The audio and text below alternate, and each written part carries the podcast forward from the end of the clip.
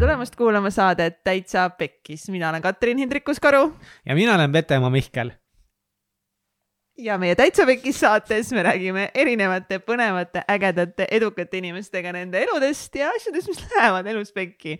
miks nad pekki lähevad, kuidas nad pekki lähevad ja siis ikkagist, kuidas võitjana sellest kõigest välja tulla. ja tänases saates on meil külas äh, üks imeline ja müstiline naine nimega Shalini Modi. Shalini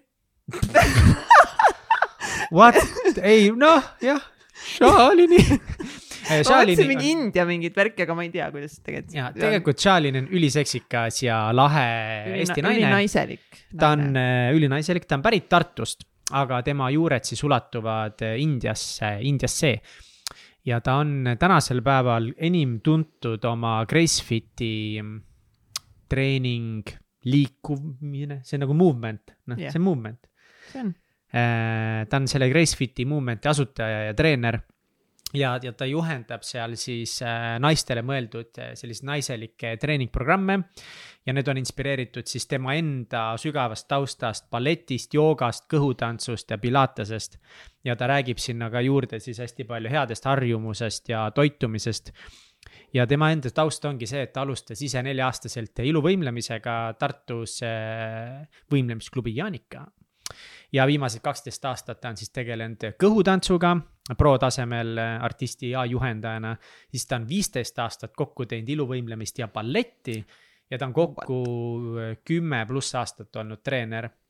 ja kogu Amazing. selle põhjal siis ta ongi täna alustanud Gracefit ja tema missiooniks, missiooniks missiooniks. missioon. ongi panna siis äh, inimesed naeratama ja aidata naistel näha nende ilusat ähm, graatsiat ja naiselikkust. ja, ja kunagi oli ta ka ürituskorralduse business'is, mis talle ühel hetkel siis äh, kopa ette viskas ja ta otsustas sealt äh, sellest maailmast lahkuda ja sealt ka suured elumuutused tegelikult alguse said. väga ja. põnev vestlus oli eriti äh, naistele ja võib-olla meestele ka kasulikku informatsiooni, informatsiooni siit menstruaaltsüklist ja no ühesõnaga, siin oli nii palju uut infot, et ma olin lihtsalt nagu davai. aga samas Kütame. me puudutasime ka väga kurbasid teemasid äh,. selle saate salvestuse ajal siis või mitte salvestuse ajal, aga, aga suvel lahkus tema ema ning äh, nüüd siis pärast saate salvestust natukese aega hiljem, äh, enne seda, kui saade siis välja nüüd tuleb, äh, lahkus ka tema isa.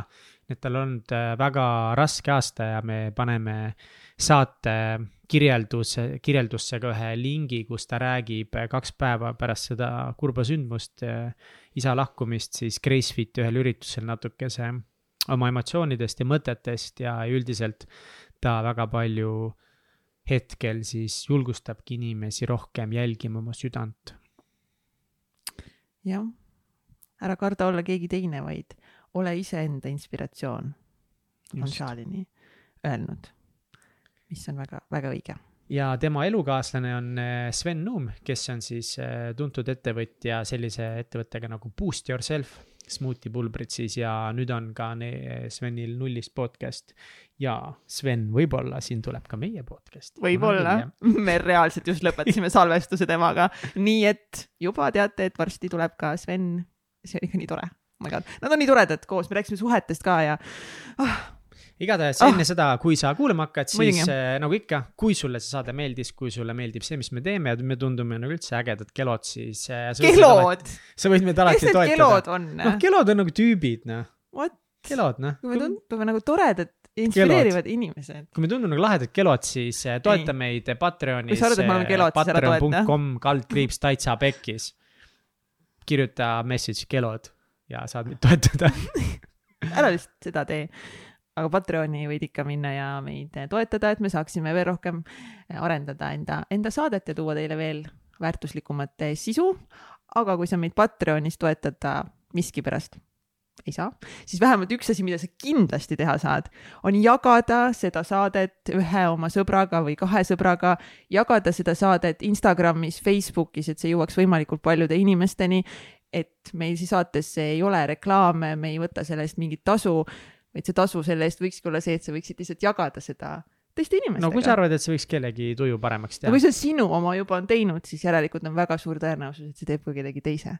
nii et lihtsalt jaga, jaga. aga head kuulamist. head kuulamist. tšau, tere tulemast saatesse Šalini. Äh, aitäh kutsumast. Nii nagu me siin just rääkisime, sain aru, et juba ammu salvestab meie kõik need äh, eetri tagused asjad on juba intiimstas salvestatud, et siis Kes nagu ma ütlesin, et see on esimene, esimene podcast, kuhu ma, kuhu ma jah ütlesin aga miks sa ütlesid meile jah? ähm,. tegelikult väga konkreetsel põhjusel, teil oli nii armas kutse mulle. jaa, täpselt. see kuidas sa ütled sellisele nunnule videole ei, jah? Ja võib-olla muidu ma olekski öelnud, ma ei tea ja kui ma. oleks lihtsalt kirjutanud, onju. ei oleks seda emotsiooni näinud, seda tunnet, tundnud meie energiat kohe, onju. absoluutselt Mhm. mm -hmm. fantastilist energiat. Seda, mis meil säriseb siin praegu Jah. siin. Ja selles mõttes, et ei- Mihkel higistab Juba siin on ammu. nii kuum, kuumad naised on ruumis. aga, aga just ja tegelikult ähm,, tegelikult mu sisetunne lihtsalt oli ka väga hea. et ähm,, et äh, teil on, teil on nagu mingine mingi värk. credibility, ma ei tea, kuidas see eesti keeles siis öelda ähm,. kredibiilsus, meil on kreditit, kreditit ja deebetit. Teil on täitsa Krediit pekk, ja saate väga palju deebet. krediitit. meil on kreed-, Jah. see on meie salarelv selles mõttes, et kallid, kallis kuulaja, meil on see teema ka, et me oleme mingi hetk, me otsustasime, me proovime öelda kuulaja, mitte kuulajad, et olla personaalsem sinu kõrvas. ja, ja alati peab ütlema sinule, mitte teile. aga nii sassi sinu läheb, sest neid on ikkagi neid, neid sinasid on nii palju ja nad on kõik nii ei, toredad. aga iga sina on nii unikaalne, nii et ikka Jah, sina, sina, sina, sina. Vot äh, sulle meie, meie salarelv, mis on nii paljudes ettevõtmistes ja nii paljud koostööd toonud meie erinevates ettevõtmistes, nagu ütlesin, ongi inimestele videode tegemine, et nii et siin palun väga, võtke meie, me võib-olla enne ka seda öelnud, aga tõesti see tegelikult toimib päris hästi ja see oli alguses üks kõige veidramaid asju, me hakkasime ammu aga te teete ammu juba neid me videosid, jah? võrkturunduses vist alustasime mm. Sellega, et, et inimesi kutsuda kohtumisele ja siis me saatsime video, kus me rääkisime otse ära, mis mm -hmm. see on ja miks me seda teeme ja et võiks tulla. mingit hämamist vaata ei olnud, aga samamoodi emotsioon on lahe mm. -hmm. Ja siis me oleme seda läbi aegade igal pool nagu kasutanud ja see toimib väga hästi, kui keegi saadab sulle järsku mingi video, kus nad on no see on vaata niimoodi ju, et, et sul peab tekkima mingi hea tunne nende inimestega, et ükskõik kuhu sa lähed.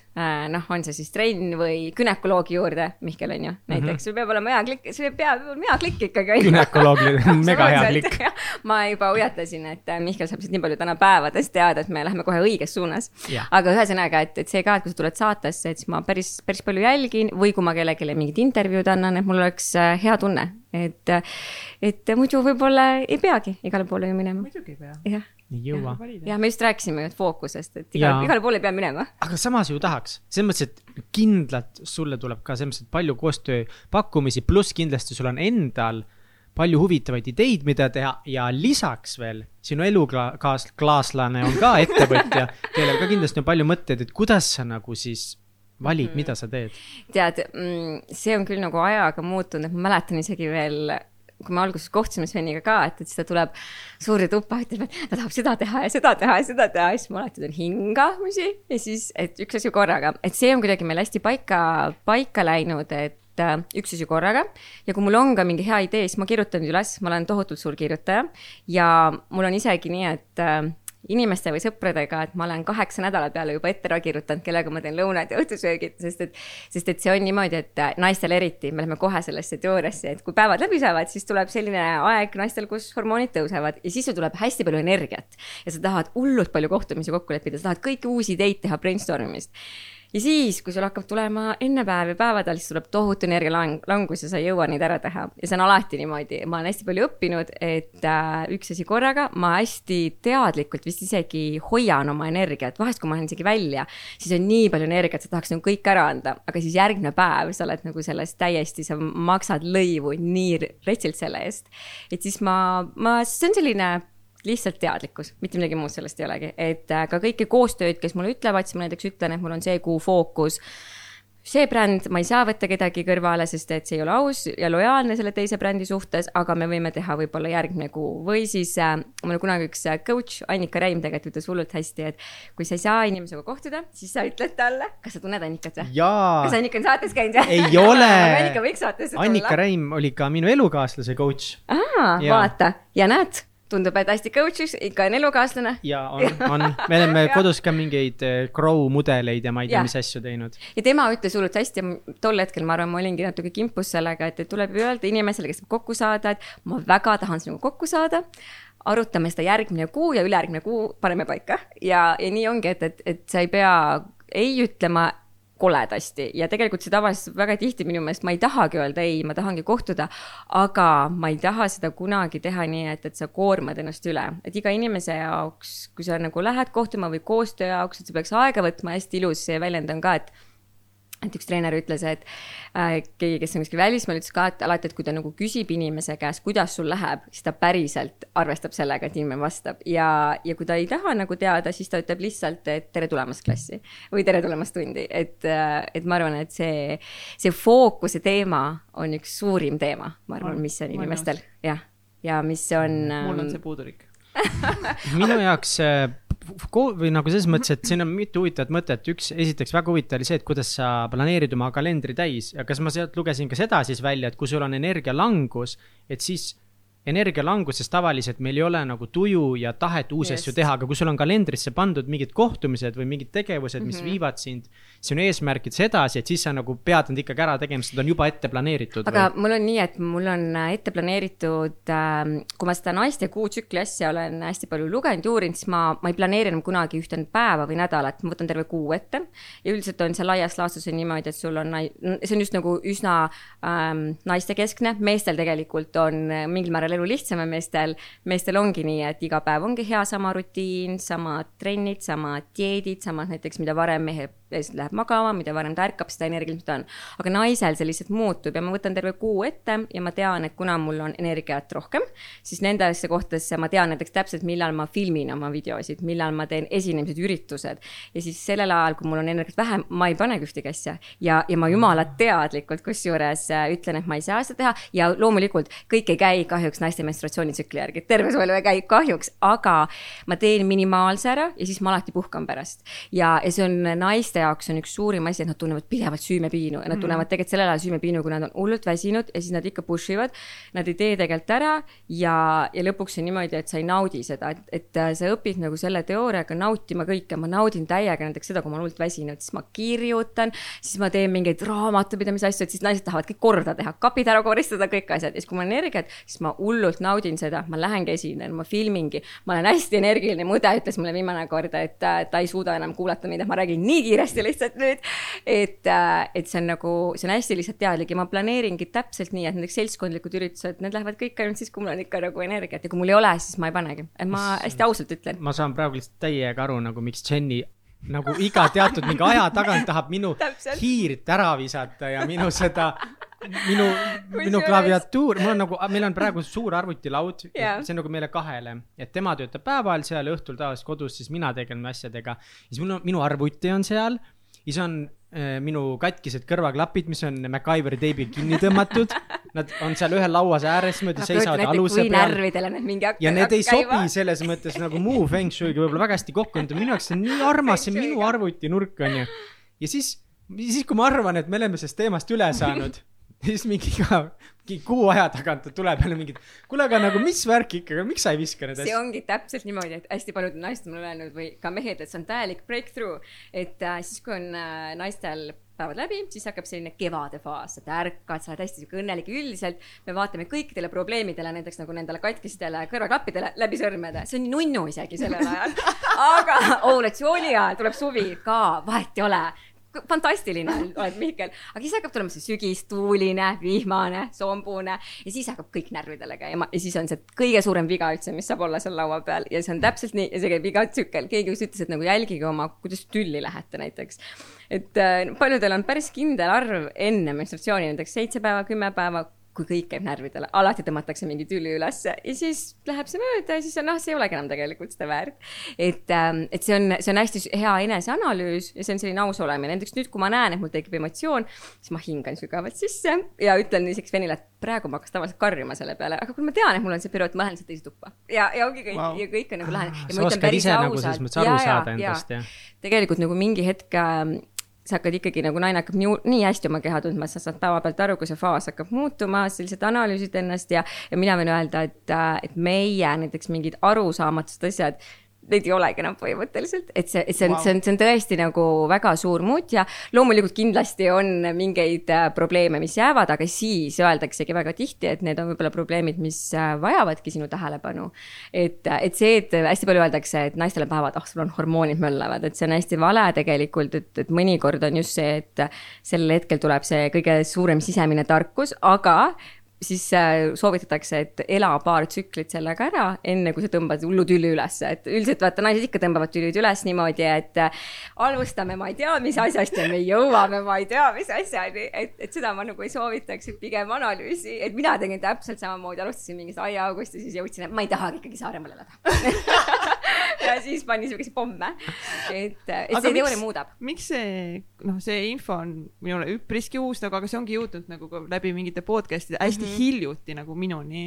Et kas nagu, et kas see ongi nagu nüüd kuidagi hakat-, hakatakse seda nagu teadvustama naistele või see on kogu aeg olnud ja mina pole lihtsalt, mina pole teadnud? ma arvan, et sellest ei ole lihtsalt ennem nii laialdaselt teaduslikult kirjutatud, et nüüd on ilmselt hästi palju tehtud teaduslikke uuringuid, on ikkagi suured juba ettevõtted, kes äh, näiteks äh, kõik äh, siis töötajad paneb, noh, töötavadki oma tsükli järgi, et tööalaselt tehakse ka näiteks nii, et kui mul on kevad, siis on brainstorm imine siis näiteks koosolek ongi, ma ei tea, viis naist, kellelgi on see brainstorm imisfaas, siis kui on suvi, siis on see see esinemine, sügise faas on see, kus on nagu siis enne päeva on luteaalfaas, kus on hästi kõik kriitika, hästi kriitika, meil on suur see analüüsid ja, ja noh, see menstratsioon samamoodi, et pigem on niisugune hästi sissepoole, et siis nüüd nagu on hakatud päris palju ettevõtteid ka harima selle nagu selles valdkonnas.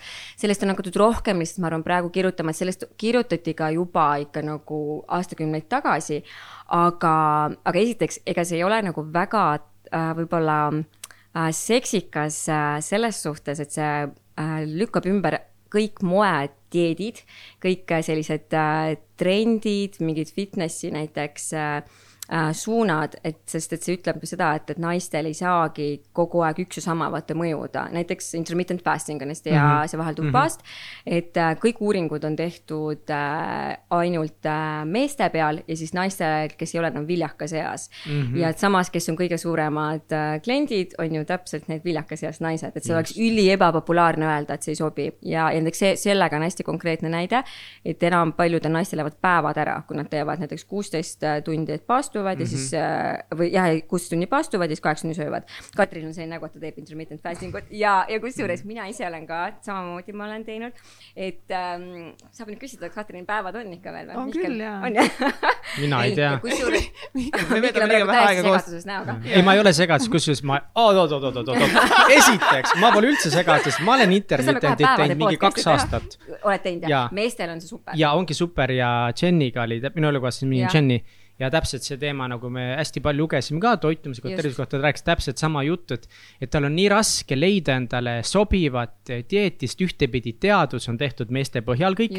ja just sellepärast ka, et teadlastel, nad ei julge ka riskida, et võtta selles mõttes riskigrupis naisi, kes on näiteks rasedad võib-olla või kes tahavad lapsi saada, eks ole, viljakad naised, sa ei ole valmis nagu vaatama, et ei tea, kas see fast imine keerab süsteemi perse või ja, mitte. ja, ja, ja tegelikult on ja ka see, et need on ju päris uued, et, et äh, võib-olla mitu aastat mitte midagi ei juhtugi. mul on päris palju nagu noori tüdrukuid tegelikult ka, kes teevad ja mitu aastat juhtugi, aga siis mingi hetk juhtub, et see hormonaalsele tasakaalule naise organismis lihtsalt on väga halb mm, -hmm. et, et seal on nagu kõige olulisem nende hormoonide puhul, et nad oleks ikkagi tasakaalus, et nii või naa, meil on hästi palju hormonaalse süsteemi segajaid, see on kõik äh, meie make-up, kodukeemia ja põhimõtteliselt kõik, kõik, mis meie ümber on, et noh, see kõik ideaalis ju peaks olema nagu hästi naturaalne ja nii edasi.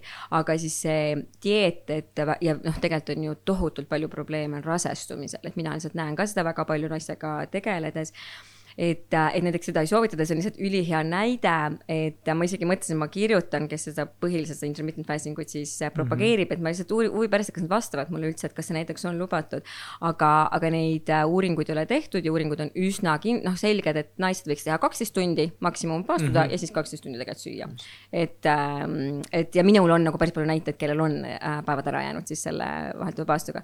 aga et sellest, sellest ähm, äh, nii-öelda see on see infrared rhythm öeldakse inglise keeles mm -hmm. on mhm. siis selle äh, tõlge eesti keeles, mis iganes, kas ta on naiste kuu tsükkel või kuidas me siis seda tõlgime, et sellest nüüd tõesti, võib-olla on ka see, et ma ei tea, meil on sotsiaalmeedia, see jõuab meieni rohkem, sest mina olen leidnud päris nagu vanu raamatuid ka, mis räägib, aga lihtsalt võib-olla praegu seda ka turundatakse paremini tegelikult ju, et mm, -hmm. et see kõik on natuke turunduse küsimus ka. uus teema ikkagi jah, ja, ja, ja noh, ongi nüüd hakkavad nüüd mingid esimesed teadustööd nagu Just. väga selgelt tõestama seda, aga jällegi noh, need on ka lühiajalist teadust, need ei ole väga pikapõhised, need ei ole kakssada aastat teadust. aga võib-olla sellega on hästi äge asi see, et, et kui naised kuulevad seda, see on nii loomulik, et naine ise, et võib-olla, mis ma, mina mõtlen, et me oleme oma kehadest nii kaugele läinud, et näiteks aastaid ütleb sinu keha, et sul on midagi häda või et sul on nagu mingi haigus. ja me aastaid juba ikkagi nagu tunnetame, aga selle asemel paneme igast Apple Watch'id, asjad, vaatame oma pulssi, samme, kuigi tegelikult keha ütleb, mina näiteks, ma ei kasuta ühtegi äppi, ainult ühte une, une seda mingit track imist, aga ja ma nagu meelega kasutan, sest su keha ütleb palju rohkem ära, et palju sa pead trenni tegema, mis sulle sobib söömisel, kas sul hakkab kõht valutama, kas sul puhitab, punnitab, mis iganes, et su keha tegelikult ütleb ära. me oleme vaata nii kaugele läinud ja kui ma naisele räägin sellest äh,, või nad loevad siis selle äh, teooria kohta, see on nii loomulik, see on järsku on nagu heureka. mulle pidi naine öelda, et issand jumal, et ta pole ammu nagu mõelnud, et kui loogiline järsku. mis, mis on mõned raamatud, mida sa näiteks soovitad, ma kohe küsin ära, siis ma saan juba kirja panna ja saate. ma olen tegelikult soovitanud hästi palju uh, Period Powerit, mis me vahepeal me siis kõik lugesid seda mis raamat see oli uh,? Period Power. ah,, Period on, Power, ja, ja, ja. Mm -hmm. Mm -hmm, ongi ja, ja tegelikult on äh, üks Flow Living, mis on lihtsalt on hästi ka nagu väga palju seal ja tegelikult päris paljud nagu on leidnud ka ja, ja ma võin isegi teile pärast pärast nagu veel, et, et ma ütleks, et tegelikult isegi kui sa nagu guugeldad seda hormoonid ja päevad, et sealt tuleb hästi palju, hästi palju isegi, mis mina nagu näen, et ähm, mega palju on libidoga probleeme, libido on ka nagu hästi seotud või üldse nagu seksuaalsusega, et see on nagu nii palju seotud sinu hormoonidega, sinu toitumisega, oma keha tunnetamisega, et selles mõttes tegelikult see teooria, see on, see on küll geniaalne, aga see on hästi ürgne, minu meelest on see mm -hmm. hästi loomulik, et kui see naine nagu korrakski hakkab mõtlema, siis ta päriselt, aga, aga see on nagu kõik sellest, et me oleme lihtsalt nii kaugel läinud kehast, minu meelest see on nagu lihtsalt, et kui sa hakkad veidike tunnetama ja siis hakkad sa seda energiat ja seda aega ja fookust panema ja nii edasi vaja seda. ma mõtlen, et korra, korra lihtsalt nagu lähen, lähme siis varsti Šalini elu, elu. ei, ma tahtsin sama teemaga edasi minna. ma tahtsin ka, me lihtsalt korra juba jõudsime sinna energiate juurde, et me just eh, Katre Kulbakiga arutasime ka, et me mõlemad tunneme, et me elame hästi nagu mehelikus mm -hmm. energias mhm. kogu aeg nagu mm -hmm. noh ärid, kohtumised, raha teenimine, full hustle kogu aeg on ju, et nii raske on kuidagi leidagi seda nagu tänapäeva maailmas, me vähemalt tunneme nagu seda naiselikku energiat kuidagi uuesti ülesse mm. -hmm. et nagu äkki sa oskad kuidagi natukene soovitada, mida, ja, mida teha? ja seda tegelikult ma olen hästi palju ka mm,, näiteks minu naised on ka, et vahest ma mõtlen, et nad on nagu mingid uh, superwoman'id hästi paljud on neil ettevõtete juhid, siis tulevad ja higistavad matil nagu homset poleks enam-vähem, noh, täiesti nagu kõik on sellised ja hullult, et nad kodus tegelikult suhteliselt domineerivad. Nad on töö juures, nad peavad domineerima ja hästi paljud on öelnud, et kui nad tulevad siis ka Gracefiti, et nad tulevad sellepärast, et oma naiselikkusega kontakti saada, oma naiselikku energiat äratada, sest tegelikult on reaalselt mingid praktilised harjutused ja võib-olla natuke, kuidas me hakkame käituma, mis tegelikult ju viib meid naiselikkuse poole. ja hästi paljud ütlevad, et nad on saanud võib-olla selle, et, et nad siis on pehmemad endaga, et nad on hellamad, vaata, et me tahame olla kogu aeg nii, et kõik peab olema maksimaalselt tehtud ja ma pean olema maailma parim, on ju, et, et sa võid nagu vigu lubada mm. -hmm. et trennis, et äh, võib-olla üks asi, et kõik need naiselikud treeningud, miks ma üldse hakkasin tegema, just sellepärast, et äh, ma päris palju tihti ütlen ka trennis, et sa ei pea tegema ideaalselt, et ole täpselt see naine, kes sa oled täna, ära mõtle see, kes sa olid eile ja ära mõtle sellele, mis ma homme peaks olema, et sa võid alati püüelda parem olla, aga ole alati tegelikult rahul, mis sa praegu oled. see aja mahavõtmine natukene, see tegelikult juba võtab tuleb siin, siis me oleme hästi palju rääkinud hommikutest. kes ärkas hommikul üles ja megalt kiiresti, lapsed karjud üles, abikaasa saab kabar, vihast sõna, siis võtad kohvi, jooksed välja, ei söö loomulikult, mis on muidugi. üks kõige halvem asi, muidugi mitte. ja siis jõuad tööle veits higine juba ja mõtled, et fuck, päev algab või sa ärkad üles, mõtled hmm,, mis mu süda teeb, mis mu mõtted teevad, kuidas mu hingamine on ja siis ma olen väga paljudel nagu soovitanud, et ärka kasvõi viisteist minutit või kolmkümmend minutit varem kui ülejäänud pere. kui see on, kui sul on väike laps, siis on hoopis teine asi, sul on sel mm -hmm. hetkel ja siis ma olen ka öelnud, et see on ülinauditav asi, et sul on väike laps, see on täielik maailma ime, et sa oled saanud seda üldse teha, see on nii suur armastus. aga muidu naisele, et ärka natuke varem ülesse ja leia oma näiteks noh, programmis me teeme ka, et leia oma hommikurutiin või mingi rituaal, et äh, mina näiteks äh, joon alati sidrunivett, sooja või ingverivett, siis ma alati veidike liigutan ja noh, kõik need treeningud, mis me oleme teinud, ma olen hästi teadlikult teinud, hästi naiselikult, sest isegi ka jõusaal on, tegelikult on super trenn, ma ei ütle mitte midagi. aga see kõik viib meid meestekesksesse rütmi. kas te olete lugenud seda arheotüüpidest, seda raamatut mm? -hmm. Seda naiseks olemise kunsti Jah, Katrin. Saali-Sauli ja mina näiteks käisin Katrin Saali-Sauli juures kahe aasta vältel teraapiates ja tegin temaga nagu jah, seda nii kliinilist psühholoogiat kui ka siis holistilist rännakut ja siis tema sellest arhetüüpide raamatust, mis äh, minu programm on naiselikult vormis, on kohustuslik kirjandus selles programmis Päts, kas sina ei ole Mihkel väga, Mina ei ole ma ütleksin, et ma olin praegu väga üllatunud, et Mihkel on seda ja lugenud. eh, minu elukaaslane mhm. luges seda ja, ja rääkis sellest mulle. Ja tegelikult ma peaks seda lugema ja mul on see kuskil lugemise Sama on ju meeste oma ka. ja meeste oma on ka olemas just. ja see oli väga põnev, kuidas ta, kuidas nii palju asju, vaata, mis meil ka kodus pingeid teevad, kuidas kõik haakuvad täpselt seesama kõik, mis sa räägid. just see ka Jenny on turundusettevõtja, selles mm. -hmm. mõttes sarnane nagu Katsil, et tal on oma agentuur ja täpselt hästi palju mehelikku energiat, siis ta rääkiski mulle, et, et tal on nii palju mehelikku energiat, et minuga nagu romantiliselt aega koos veeta, et. et me oleksime selles faasis, siis mina tulen koju. Viie minuti pärast ma olen valmis küünlad, vein, yo Jaa. baby, let's go noh. ja kusjuures see ongi ja siis ta räägib, et siis ta rääkis mulle juttu, kus ta, et tal on nagu kolm tundi vaja umbes või noh, ta ei öelnud vist niimoodi nagu, aga see point ongi see, et tal on mingi kolm tundi vaja ja siis ma räägin, mida, sul kol-, noh, et, et me rääkisimegi sellest, et kolm tundi, mida see tähendab, miks seda vaja on,? kusjuures see ongi nii, et, et meestel on, noh, põhimõtteliselt piltlikult öeldes, et meestel on nagu üsna stabiilne kogu aeg hormonaalselt ütleme terve elu ja siis mingist hetkest natukene võib-olla hakkab nagu langema, siis peaks võib-olla seda kuidagi nagu tõstma. naistel on tegelikult see niimoodi, et iga kuu käib üles-alla mm. -hmm. üles-alla ja põhimõtteliselt täpselt nagu niimoodi ongi. et ähm, ja need arhetüübid on ka, et mulle ütleb ka hästi paljud, et nad tulevad äh, tööle, et nad on hästi mehelikus energias ja siis, et kui nad jõuavad koju, et siis neil läheb noh, et, et, et nad ei suuda ennast ümber lülitada, et see arhetüüpide raamat räägib ju ka nii hästi nagu sellest tütarlapse energiast, armastaja mm -hmm. energiast mm. -hmm ja, ja ma arvan, et seal ongi, et kõigepealt on mingid väga praktilised asjad, mida sa iga päev teed, et noh, näiteks paljud naised jõuavad mulle trenni, nii et nad on mega ärritunud, nad on olnud liikluses, vandunud ilmselt. ja siis ma alati esimesed sekundid, minutid ütlengi, et nüüd kõigepealt me hingame. Ja siis, kui me lähme ära, et siis sa oled juba tegelikult palju rahulikum ja ma kujutan ette, kui nad jõuavad koju, siis nad on juba võib-olla isegi küünlad oleks juba okei okay,, kui nad koju jõuaksid, nii et ja just veid on see asjad. energiate vahetus täpselt see, et, et, et Jenny peabki vahetama oma seda Just. rolli, et kui ta on päeva ajal selles kuninganna või just, selles ongi rollis otsustajas just. täpselt, siis ta peabki tulema koju, ta peab võtma aega, ta peab tegema rahulikult ja, ja, ja, ja sellepärast me peamegi selleks nagu palju aega planeerima mm. -hmm. ja miks ongi see, et nagu, et sul ei saa ka nagu nii-öelda mingid date'id nagu juhtuda mõnikord, sest sa pead planeerima selle aja, kui see võtab näiteks kolm-neli tundi on ju sa pead võtma selle aja ja siis ta saabki selle rolli ümber vahetada, saabki minna yeah. sinna. Ja paneme siis juurde, kellel on veel lapsed, eks ju, et siis mm -hmm. need ütlevad, et siis äh, Katrin Saali-Saul käis meil esinemas ühel Gracefiti talvetripil ja siis ta ütles, noh, minul on ikkagi enamikel naistel on lapsed ja siis ta ütles ka nagu äh, päris hästi, et et äh, tühja sellest mustast kraanikausist, las see jääb pesemata, aga võta aega, et oma mehega olla, et naised on veel vaata sellised, et me tahame, et kõik oleks veel hästi korras, enne ei ole mingit romantikat, kraanikaus peab olema korras, pesu peab olema pestud. Ja võib-olla siis me jõuame sinna voodisse, siis kui me sinna voodisse jõuame, siis me oleme täiesti kurnatud. Ja mitte midagi seal ei juhtu. me oleme Sveniga muidugi ka naernud, et kõige suurem romantika killer on söö õhtul hästi palju ja vaata telekat. et kohe kindlasti ei juhtu mitte midagi, et see on ka kõik jällegi natuke nagu see teadmine, aga hästi paljud isegi praktiseerivad seda, et kui lõpetavad töö ära, siis kasvõi autos viis minutit hingavad ja nagu reaalselt häälestavad ennast ümber, et kui sa kii-, see see kiirustamine, rahmeldamine naiste puhul, see on see, mis kindlasti ei lase sul nagu kunagi sellest mehelikust energiast välja tulla. ja võib-olla on ka midagi sellist, et mina olen hästi palju öelnud, et naiselikult saab ka ettevõtlust teha. ja, ja mina proovisin, Sven on selline täiesti tulnukas, ma ütlengi talle tulnukas mm, -hmm. sellest teist inimest ei ole sellist, et ta on, ta on hästi raske lapsepõlvega, aga ta on ülitöökas.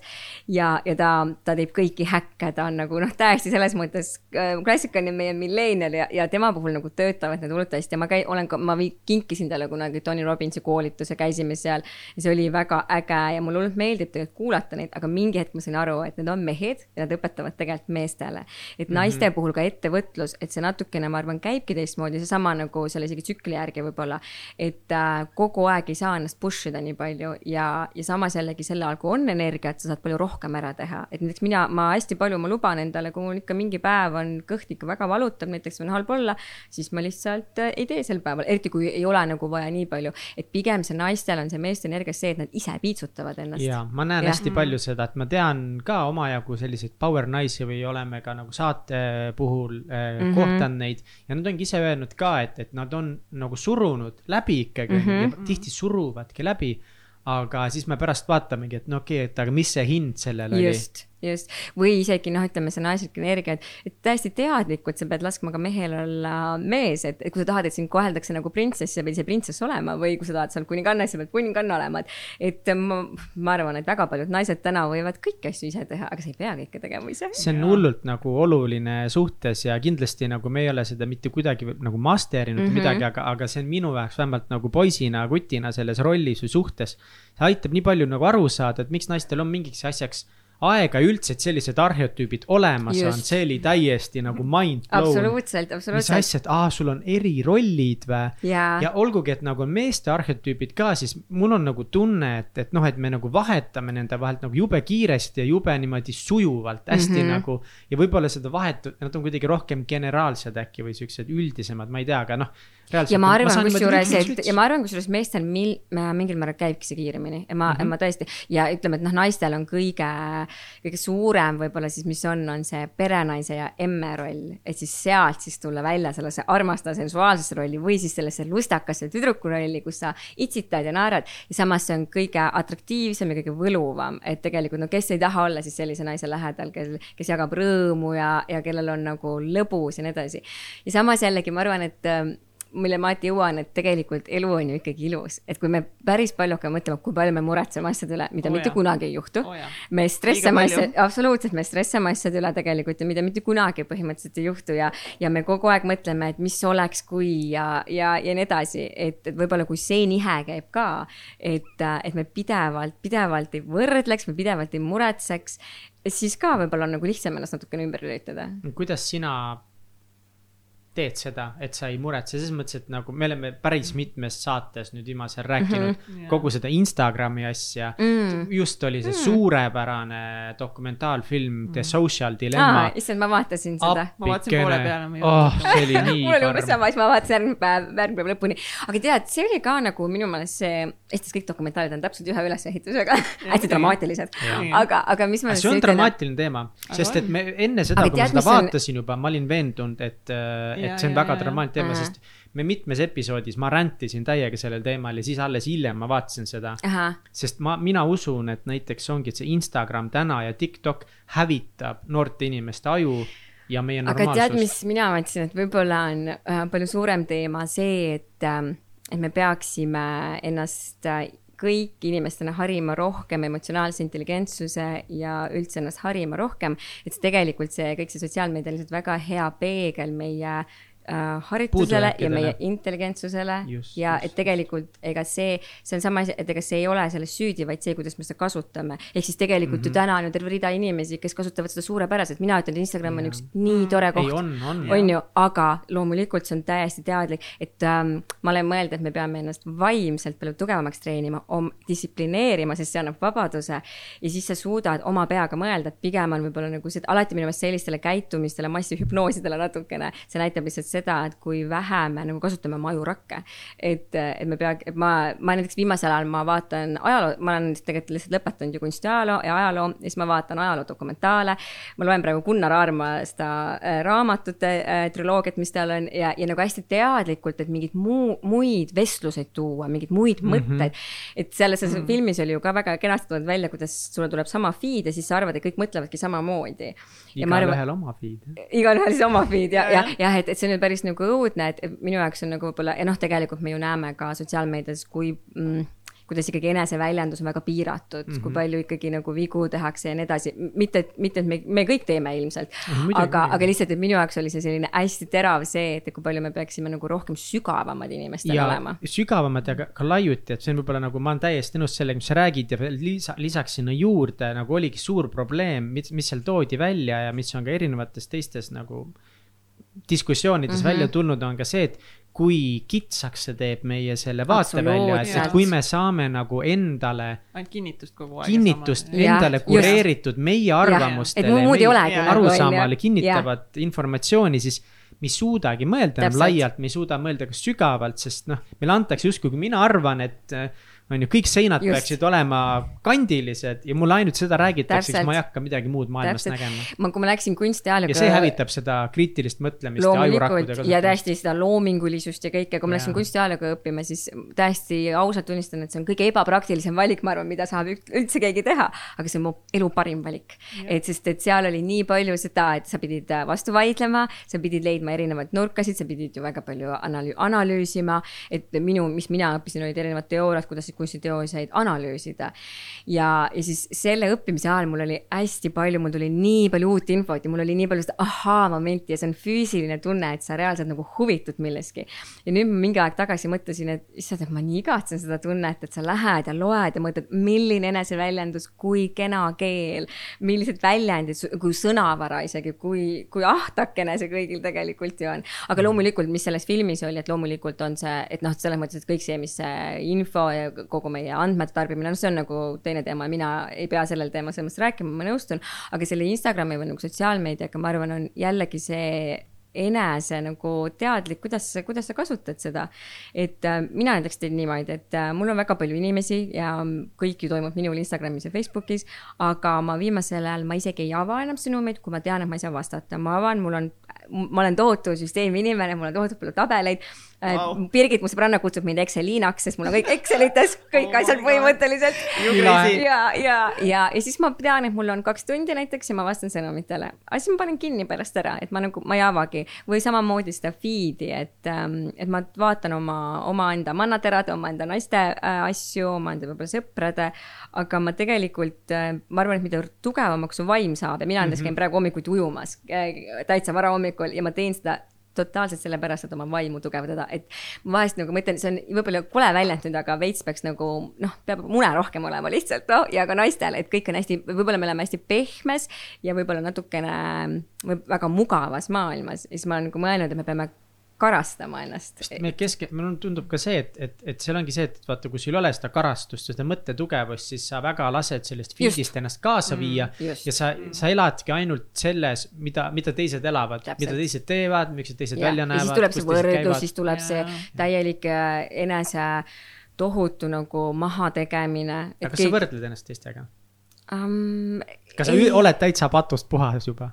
Ma arvan, et täna vist küll mitte enam jah, sellepärast et noh, see on ju niimoodi ka, et kuidas su elu läinud on, ma arvan, et täna lihtsalt äh, täna tunduvad mulle väga paljud probleemid ikkagi väga pseudoprobleemid ja samas ma tean, et tol ajahetkel, kui need olid mul, need olid mul kõige suuremad probleemid. et, et lihtsalt, et see oleneb ju, kuidas su elu läheb, mis sul juhtub ja, ja vist ikkagi see, et äh, ma ei tea, sa hakkad nagu nägema mingi hetk, ma arvan, kus ikkagi palju igasuguseid asju praktiseerid, natuke suuremaid asju, näiteks ma iga hommiku ma lähen ujuma, ma ajastan ta nii, et päike tõuseb sellel ajal ja siis ma mõtlen, et isegi kui kõik on hästi halb, päike ikka tõuseb ja see on ikka väga ilus. et see on ju ikka ilus tegelikult.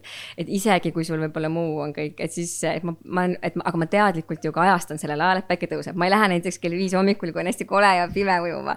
et ähm, ja, ja võib-olla siis ka seda, et ähm, et mina olen jõudnud sinna kohta, et elu on ikkagi väga suur kingitus, et meil kõigil ei ole seda antud ja kui sulle on antud need hingetõmbed, siis need võiksid olla kirglikud, intensiivsed, aga vahepeal ka hästi aeglased, hästi teadlikud ja, ja neid on ainult teatud arv antud ja tegelikult me ei tea ju, palju neid meile on antud. jah, et äh, ma arvan, kui sul see tunne tekib, aga see, aga see tekib ka, see tekib nagu minu meelest mingite äh, hästi konkreetsete praktikate tagajärjel. et nüüd ma olen teinud juba, mul on vist kahekümne teine päev siis, kus ma ärkan viie ajal ja ma teen mingit konkreetset mingi kümmet asja iga päev, ma pean iga päev kirjutama mm -hmm. õhtul, kas ma tegin või mitte, see ujumine näiteks on ka ja see ujumine on täpselt see, et et ma nagu karastaksin, oleksin tugevam, ei läheks selliste väikeste asjadega. nagu- meres, meres meres jah, meres jah, mul on ka lipsasussid isegi. Ah. jah, tavaliselt ma tahan äh, ikkagi nagu näkina minna, aga mul on üks sõber ka ja siis ma selle sõbraga niimoodi kaks korda või kolm korda olen ajastanud, et ma olen just ennast alasti tõmmanud ja siis ta jookseb sinna hästi entusiastlikult kohale. nii et ma üldiselt soovitan naistel pange trikood selga ikkagi, sa kunagi ei tea, kui keegi tuleb. Maarja Kaseväli, shout out talle, tegi just täna väga hea postituse, mis Jah. rääkis sellest hommikurutiinidest või ta rääkis Mhm. üldse rutiinidest, üks Mhm. ka oli hommikurutiinid ja Maarja on ka käinud minu koolis. aa oh, jaa, võib-olla küll tõesti um,. No tema rääkis nii, kui nagu nii hästi kirjutas just, et see hommikul ärkamine, et, et kui me kõik räägivad siin kell viis ärkamisest mm, -hmm. Mhm. siis et, et hommikurutiin hakkab eelmisel õhtul. nii ongi. et, et kui sa pead kaheksa tundi näiteks magama või seitse pool või kuus või üheksa, siis sa arvutad, kui sa pead kell viis Jaa, ärkama, eks ole, mis kell, mis kell sa ärkama pead, aga isegi see veel mitte. kui sa ei saa täiskõhuga magama minna, siis Just. mitu tundi sa pead hoidma vahet oma õhtusöögist. Ja siis sa tead, millal sa saad õhtust süüa, Jaa, et minna õigel ajal magama, et Jah. õigel ajal ärgata, ehk siis sinu õhturutiin tema jaoks ütles, algab sellest kellaajast, millal saab õhtusöögi paika. Ja, ja paljud on ka öelda, et äh, mina teen ka, et, et viimane asi, mis ma teen tööasjadest, on siis see, et ma panen järgmise päeva lihtsalt, et mis ma järgmine päev konkreetselt teen, et need tunnid teen seda, seda, seda. ja täpselt nii keegi ütles ka, et ei ole mitte five am club, vaid on nine pm club ja meie läheme ka, ma lähen ka praegu magama kaheksa-üheksal, aga tead, ma ütleks midagi sellist, et et ähm,, et see kell viis tõusmine, see on praegu minu jaoks ja see on, see on minu isiklik agenda ja, ja see ma väga soovitaks seda, hästi paljud on mulle öelnud, et mina küll ei suuda seda, oh loomulikult suudad, aga kas seda on vaja mm.. et igalühel on oma eluetapid, võib-olla sinu elu, esiteks, kui sul on pisike laps, siis see ei ole kindlasti midagi sinu jaoks, et sa pead magama nii palju, kui sa saad.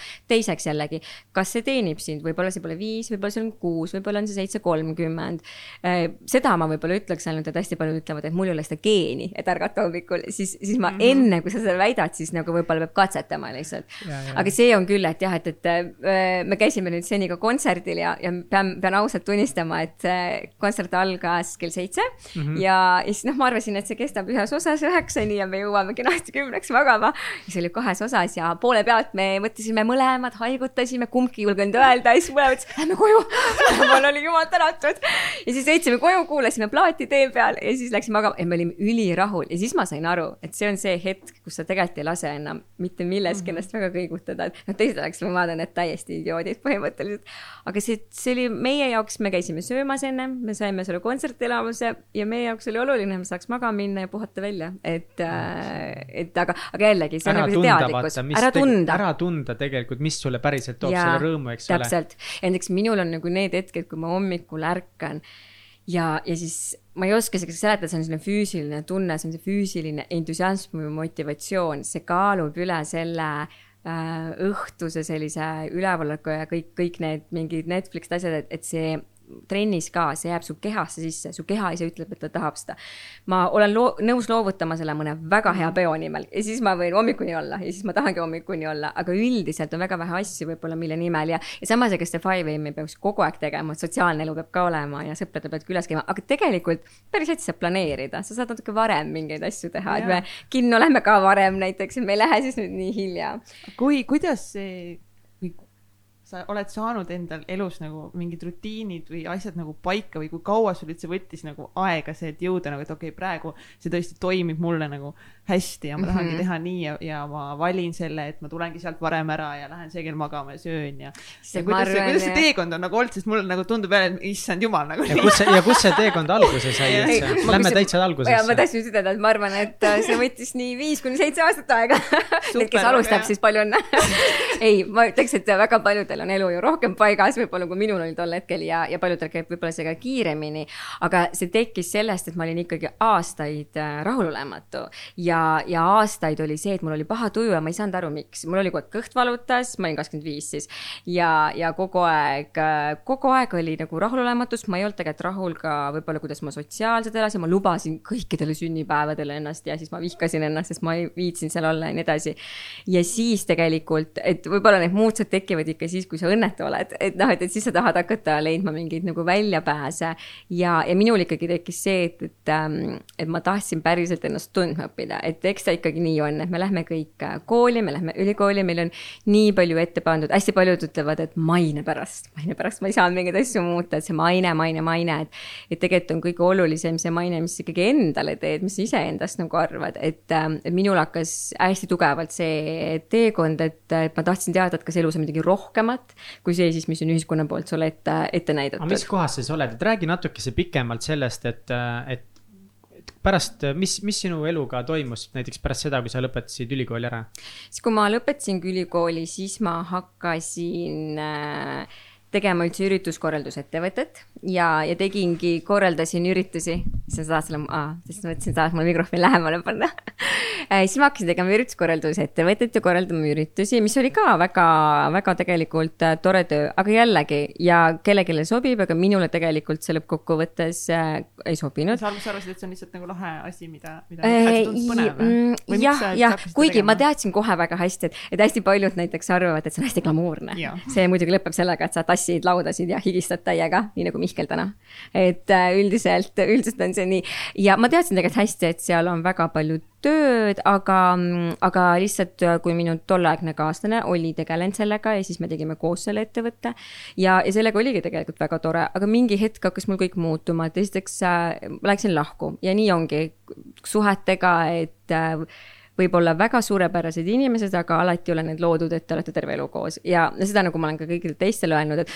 et hästi paljud võib-olla arvavad, et kui minnakse lahku, siis peab hästi koledalt minema lahku, tegema mingeid tohutuid asju, aga, aga tegelikult võib olla nii, et see inimene jääb igavesti su ellu, on igavesti sinu hinge, hingekaaslane. ja, ja mina tegelikult otsustasin, et ma lähengi lahku ja, ja, ja selle ettevõtte lõpetasin ka ära ja ma hakkasin paralleelselt tegema treeninguid ja oli aeg tegelikult, mis oli äärmiselt raske, et ma ei teadnud täpselt, mis ma teen edasi kellega ma tahan olla, kus ma elan, müüsin oma koduasjad maha ja, ja tegin siis veel ürituskorraldusettevõtet natukene ja siis samal ajal käisin treenerikoolitustel, just meenutasin Svenile, kuidas ma Piritalt sõitsin seitse kolmkümmend Rocca al Mare MyFitnessis trenni anda ja kuidas ma viisteist trenni nädalas andsin ja ikkagi olin ülihaige kogu aeg, sest et ma olin tervise mõttes, ma olin ikkagi suht läbi, et ma üldiselt treenerid põlevad läbi, kui nad peavad nii palju treeninguid andma see ei ole väga jätkusuutlik, Mihkel tahab midagi küsida. ja, ja, ja ma just mõtlen, et ma siin praegu vaatan niimoodi, eh, näed äh,, sinuga kohtumine. jah. et äh, läksid lahku jah, mis niisama läksid lahku ja proovisid nii kergelt sellest üle minna praegu. just tahtsin jõuda selleni, et sa abiellusid. ja nii sa abiellusid kahekümne kord-. kõigepealt sa abiellusid. ma mõtlesin just, et Mihkel tahab raamat üles tõsta. ja ma tahan raamat, räägime nüüd ikka sellest täpsemalt. ja see, aga see on täiesti ilus asi, abiellusingi ja olin kahekümne kolme aastane ja siis, äh, ja siis, ja siis mingi hetk äh, läksime lahku ja nii ongi. aga sa ütlesid meile, et, äh, et sa olid Selveris, sul tuli paanikahoog peale, kas see on elu ja siis sa veel ütlesid. see võib-olla, võib-olla oli meie omavahel öeldud, aga ma nüüd ütlen kõik välja. siis sul läks kolm aastat aega, et tunnistada, et sa tahad lahku minna. tegelikult ma olen, ma olen mõelnud sellele, et ähm, et need lahku. mis see Selveris juhtus? mis see Selveris juhtus, aga Selveris äh, ma arvan, et igal inimesel on nagu mingi oma ettekujutus äh, kujutus elust. Ja minu, minul oli see, et ma ei, ma ei olnud ennast, ma ei olnud kunagi võtnud aega, et ennast tundma õppida. Ja ma arvan, täpselt see juhtuski. ja ma olen hiljem mõelnud ka ja ma arvan ka teistele ma ütlen, et väga tihti ei pea üldse selles teises inimeses olema. Siia, mina võin nüüd täiesti puhtalt öelda, et minu see teine inimene oli täiesti imeline inimene ja on täna ka. Ja on mul väga lähedane inimene. Ja, ja mingeid asju ilmselt ei saagi ju öelda, sest et teine inimene, teised inimesed on ka seotud, ütleme siis nii. aga, aga minu teema oli see, et, et ma ei olnud kunagi võtnud aega, et ennast just tundma õppida, üldse, et millist elu ma tahan. ma olin hästi, kohe koolist läksin, asusin pere ja ma olen päris palju oma naistele öelnud ka, et mitte isegi nagu pere looma, vaid pere kodu mängima, et ma ei teadnud veel mitte midagi tegelikult. ja ja siis, äh, ja siis äh, Selveris tõesti ma väga tihti, ma vihkan siiamaani Selveris käimist, ma võin ütelda, ma vihkan, mitte Selverit ma ei vihka absoluutselt, aga ma vihkan toidupoes käimist. ja, ja sel hetkel ma tundsin, et, äh, et ma pean ikka võtma aega ja ma pean, ma pean ilmselt ise hakkama avastama, aga lahkuminekud on loomulikult keerulised ja minul läks väga kaua aega, et seda südamerahus teha, et sul peab olema ikkagi kindel. Ja ma olen tegelikult päris paljudele öelnud ka, et ei maksagi võib-olla kiirustada. et äh, ei maksa võib-olla ka viis aastat seda teha ja võib-olla mitte nii kaua, aga, aga sa pead jõudma iseendas, keegi teine ei saa sulle ütelda, mis on õige või vale, aga paraku me ju kuuleme väga palju teist. see vajab julgust, see on nii ebakindel, mis tulevikust saab, sul oli selles mõttes ju ettevõtjad olid, ilmselt oli väga hea elu absoluutselt, et see ongi ju niimoodi, et, et tahaks ju sinna mugavasse, turvalisse, tagasi pehmesse, sooja kohta tegelikult minna. ja, aga, aga nende lahkuminekutega ma olen küll õppinud, et, et see peab tulema, see otsus peab olema sinu enda sees ja ükskõik, kes nendest, keegi kuuleb ja on selles, oota ära see hetk ja anna maksimum ikkagi, proovi, katseta, sest et alati saab ära minna. Ja, ja see uus asi ongi hirmutav, aga kui sul tuleb see tunne, siis tuleb minna, ükskõik kui hirmutav see ei ole kui sul on veidikenegi sihukest optimismi äh, killukene südames, siis pea püsti ja tuleb lihtsalt minna ja tuleb edasi, edasi hakata mõtlema, need tegelikult need vastused tulevad ja üldiselt hakkavad ka need lahendused tulema. see on ka Samas... teistel ju väga raske selles mõttes ka sellele teisele poolele ja ma tihti, ma arvan, et inimesed kardavad ka sellele teisele haiget teha. loomulikult, aga, aga noh, siis ma arvan, peabki mõtlema, et kas, kas see suhe toimib ja kas sa teed selle teise inimese õnnelikuks või õnnetuks, et või kas teine inimene on rahul siis sellise suhtega, et väga tihti on ju nii, et, et sa kardad võib-olla teha teisele inimesele haiget, aga samal ajal sa ju tead, et sa ei tee ka seda teist inimest õnnelikuks, et tegelikult iga inimene meist väärib olema suhtes või koos äh, sajaprotsendiliselt, et teine tahab olla koos nii vaimselt, füüsiliselt kui spirituaalselt mm. -hmm. et ma arvan, et, ja ma arvan, et kõigil on õigus nagu leida endale selline kaaslane, et see tegelikult minu jaoks, ma arvan, see teekond algas sellest, et ma hakkasin aus olema üldse enda vastu. ja, ja absoluutselt kõik, kes on ka selles situatsioonis, siis see ongi raske, aga aga ma võin öelda, et kui sa ikkagi tahad seda teha või see tundub õige, siis tuleb teha, et. et üldiselt on niimoodi, et lahendused tulevad, eriti kui sa hakkad selle nimel ka töötama. et ei saa alati jääda selleks ohvriks ja alati rääkida, kui raske on, sest et äh, olles nüüd elu näinud, siis ma võin ütelda, et tõelised raskused võivad veel ees oodata alles. et me kipume sel hetkel arvama, et see on maailma lõpp, aga, aga tegelikult ei ole nii et, mis sa, mis sa ikkagi tundsid siis sellel hetkel, et mis sul nagu elus puudu oli, et kui justkui nagu, kui kirjeldad, kui sa kohtumisega kirjeldasid, siis teil oli justkui nagu kõik kõik olemas, te tegite asju, on ju, te elasite väga head elu, et justkui nagu noh. aga tegelikult filmi... tihti on niimoodi, et ei olegi võib-olla puudu ju, ju selles suhtes või asjas, vaid tegelikult on ikkagi väga tihti, et endas on midagi puudu, et, et minul oli väga suur asi, et ma ei teadnudki, mida ma tahan ja täpselt seesama asi oligi puudu. et, et ma arvasin, et ma ilmselt tahan mingeid, mingeid selliseid asju teha, aga, aga ma arvan, mina, mina olen ikkagi olnud rohkem selline, kes tahab veidike avastada ta vaadata üld-, katsetada võib-olla üldse nagu, mis meeldib. ja, ja kui ma käisin Katrin Saali Sauli juures just sel samal perioodil ma käisingi ja sealt tegelikult mul hakkas üldse Gracefit hakkaski üldse, et ma hakkasin samal ajal tegelikult tegema neid treeninguid ja need treeningud olid see, mis oli minu teraapia ja ma väga tihti ütlen ka täna oma naistele, et, et ja naised ise ütlevad ka, et see trenn on nagu teraapia. ma läksin trenni väga tihti, ma olin nutnud, peatäie ära ja siis pidin muidugi pisarad ära püskima, trenni juhendama minema ja alati pärast seda ma tundsin ennast nii palju tugevamana, ma tundsin nii palju optimistlikumana. ja ma nägingi, et, et neid asju ei pea tegema koledalt või inetult, vaid et, vaid et seda saab tegelikult teha lihtsalt nii, et sa alustad uuesti ja, ja see on ka okei okay. mm.. ja. aga miks sa nut-, miks sa üldse, miks sa nutsid või miks sa siia lahkumine? sest see, sel hetkel on ikkagi ju, see on tohutu, tohutu draama sinu enda jaoks, sest sul on mingi ettekujutus, kuidas su elu peaks olema ja, ja sul on ju tohutult, tohutult juba paika pandud sinu muinasjutud ja siis sa vaatad, et oh, see muinasjutt ei lähegi nüüd täide. et see tegelikult on meie enda loodud väga tihti mm -hmm. ja tegelikult, mis ma ütlen, et aga tuleb mingi muu muinasjutt. et, et see lahkuminek ei ole ainult nagu lahkuminek sellest väga materiaalsest asjadest või sellest võib-olla inimesest, see on kõikidest ka unistustest ju ka, et sul on ju terve rida unistusi juba ette loodud.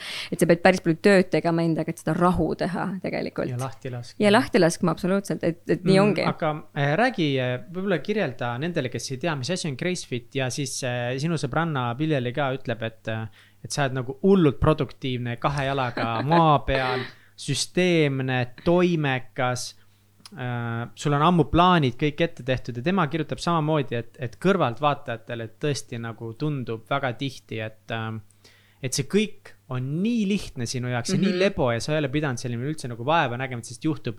aga võib-olla räägigi kõigepealt, et mis asi on Gracefit ja siis hakkagi pihta, et kuidas see idee algas ja kuidas sa hakkasid vaeva nägema selle ehitamisel mm. -hmm. Gracefit täna on siis äh? Oh, me just mõtlesime Sveniga teeme uut programmi, mis ongi selle tsükliteooria põhjal ka väga palju. et see on äh, naiselike liikumiste ja enese eest hoolitsemise, ütleme, programm ja Gracefit üldse nagu suuremana siis ka. et ma ei saagi enam öelda, et see on ainult trennide programm, me räägimegi hästi palju programmis näiteks ka, ma räägin kõik, kes tahavad programmi tulla, ma räägin kõik kõige intiimsemad asjad ära. ma tean, et praegu Mihkel tahaks, et ma räägiksin ka kõik kõige oma intiimsemad seigad ära, me räägime seal seksuaalsusest, minu enda kogemustest. Nagu, kas ta on nagu online'is või saab, või sa teed ka nagu? see, see nagu... on kõik äh, online'is, aga kõik minu kohapeal trennid, mis toimuvad, mis on siis ainult nagu treeningud, on Golden Clubis, ma olen täiesti Golden Clubi lojaalne äh, ja ma ei lähe mitte ühtegi teise spordiklubisse, ma olen kõigile ära öelnud, nii nagu ma ei lähe ühtegi teise podcast'i ma olen lojaalne, ei lähe ma ühtegi teise Äh, äh, spordiklubisse, et ma annan Golden Clubis Tondil ja, ja Golden Globe oli esimene, kes äh, võttis mu täiesti pime silmi, kusjuures äh, tolle, kes oli juhataja, Martin, halleluuja Martinile, ta isegi ei kontrollinud, kas ma üldse oskan midagi anda. Ja ta võttis mu tööle sinna ja ma hakkasin treeninguid andma, et sealt sai mul tegelikult kogu see trennide see alguse, ma läksin ise mingi hetk, kaks tuhat viisteist läksin body balance'i trenni, siis äh, kuna ma olen lihtsalt terve elu võimelnud, viisteist aastat ja kümme aastat kõhutantsu tantsinud, siis ma läksin trenni ja hästi ülbelt ütlesin, et issand, ma teen kohe ära need paberid läksin paberit tegema, nii lihtne see muidugi ei olnud, et tegelikult äh, võimlejatel on väga palju vaja ümber õppida. ja, ja siis ma hakkasingi tegema ma tegin ikka kõva aeg, nii et ma tegin tõesti iga, iga päev tegin oma üritustööd ja siis nädalavahetusel treeneri koolitusi. ja siis hakkasin treeninguid andma ja, ja Gracefit äh, nüüd tänaseks on olnud siis paar aastat, see ütleme sellisel kujul siis nagu ta täna on. ja täna on ta ikkagi, et naiselikud treeningud siis me teeme hästi palju, me räägime harjumustest, täpselt sama, mis ma rääkisin sellest hommikurituaalidest, me räägime hästi palju naiselikust energiast. me räägime, nüüd me räägime siis hästi palju ka hormoonidest, me räägime toitumisest, toitumises on mind tohutult palju aidanud äh, Sven äh, koos siis Boost Yourselfiga ja nüüd tegelikult äh, mulle tundub, et ma leidsin endale ideaalse naise, kes oskab ka just hormoonide põhjal toitumisest rääkida, sest et see on ka täiesti omaette teadus ja me räägime nüüd, kui see viirus hakkas, me hakkasime laive tegema ja siis kuidagi tuli nii, et iga trenni laivi ajal me võtsime ühe teema, rääkisime fookusest, rääkisime aususest, rääkisime enesest valetamisest, enese mahategemisest räägime näiteks, me oleme päris palju rääkinud ka ettevõtlusest ja just sellest naiselikust ettevõtlusest, sest seesama asi, mis me alguses rääkisime, et kõik räägivad, väga paljudel tegelikult on mingi oma idee, aga nii paljud kardavad seda teha naisena. hästi paljudel on siis see, et nad on liiga mehelikus energias, et ma olen siis selle programmi ka üles ehitanud nii, et räägime ka suhetest, räägimegi armastusest.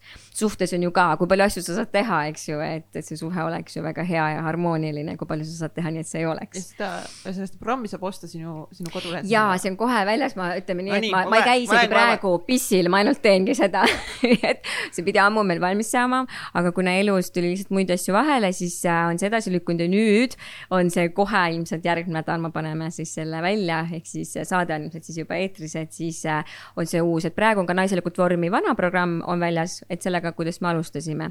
ja et ütleme, see algas nii, et, et kõik need treeningud, mida ma teen, et need on äh, balleti tantsu, äh, jooga, äh, jõuharjutuste põhjal. nüüd on see läinud nagu selliseks, et, äh, et me teeme juba trippe, me käisime baalil, me oleme Eestis teinud meil on hästi tugevalt on Gracefitis tekkinud hästi orgaaniliselt, ma ei ole seda kuidagi push inud, on meie community. et meil on kuidagi, mul on seal grupis tuhat viissada inimest, nüüd me paneme selle grupi kinni, nii et tulevad ainult need, kes päriselt on nagu liikmed ka, sest et minu mõte ei ole see, et, ma saaks kõigile kekata, et meil on kümme tuhat inimest. vaid see, et nad päriselt tunnevad, et see on hoitud turvaline ruum, et me saame rääkida ja et seal on inimesed, kes päriselt siis ka kaasa teevad ja siis me tegime sügise alguses sellise restardi tegimegi iga päev trenni, iga päev me tegime midagi toitumise äh, heaks, just naistele suunatud, iga päev kirjutasime päevikut, sest ma olen tohutu päeviku kirjutaja ja päeviku kirjutamine on kõige parem aus olemine enda vastu. et hästi paljud ütlesid, et nad avastasid, et vahest mul endal on nii piinlik, ma kirjutan midagi nii ausalt, et endal on nii piinlik lihtsalt, kui keegi ainult loeks seda. aga see on mm. nii vabastav, see on mega vabastav. hakkasin ka see kuu seda morning pages challenge'i tegema. see on ka nii huvitav olnud, aga mul on ka täpselt vahepeal see, see tunne, et oh my god, kui keegi kunagi selle märkmiku leiab ja loeb neid.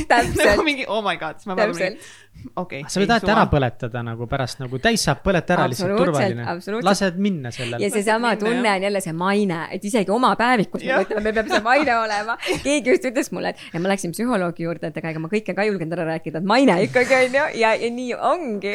ei no pärast linna peal tead. ja, ja mis keegi arvab minust, et meil on, et võib-olla, et alustame sellest, et oleme kõigepealt enda vastu ausad ja see on kõige hirmutavam, aga see on nagu nii vabastav, et sa ütled mingeid asju, mida sa justkui ei tohiks, võib-olla sa tahad olla kellegagi, kellega sa ei tohiks, võib-olla sa tahad hoopis mingit muud tööd teha, võib-olla sa oled vihanud viis aastat juba oma tööd, võib-olla sa ei tahagi lapsi saada, võib-olla sa just tahad lapsi saada, et noh, et, et need on mingid asjad, mida, mida ju me ei julge välja öelda.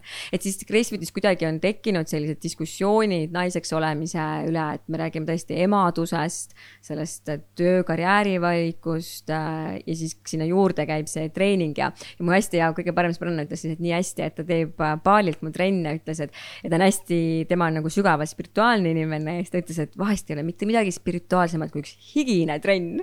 ja täpselt nii ongi, et mõnikord on see trenn hästi füüsiline, et ma tõesti, ma ütlen, et mõtle ainult oma kehale. Yeah.. teinekord see on ainult hingamisele, et ma mõtlen, päriselt mõtle, kuidas sa hingad. Ja siis kolmas kord on see, et võib-olla ma terve aja räägin, et et võib-olla peaks olema pehmem, empaatilisem suhtumine maailmas ja võib-olla sa saad siis mingitest asjadest üle, et, et see on nagu täiesti varieerub meil. miks üldse, miks üldse hakkasid treeneriks? ma korra küsin, korra lihtsalt selle programmi, et kui, et kui sinu kodulehelt siis osta see programm, siis ja. saab kohe sinna nagu, siis saab sinna community'sse igale poole nagu, nagu sisse. siis on kohe mannad ära. ma hakkan varsti juba kohe liituma. hakkad liituma? nagu I need this nagu, kellega, kellega ma just rääkisin enne, mõtlesin nagu ja, et Grace Fit Akatriga vist rääkisime ja mõtlesin nagu, et Charlie'ni tuleb, et nagu noh, et nüüd sealt tuleb, et need this nagu.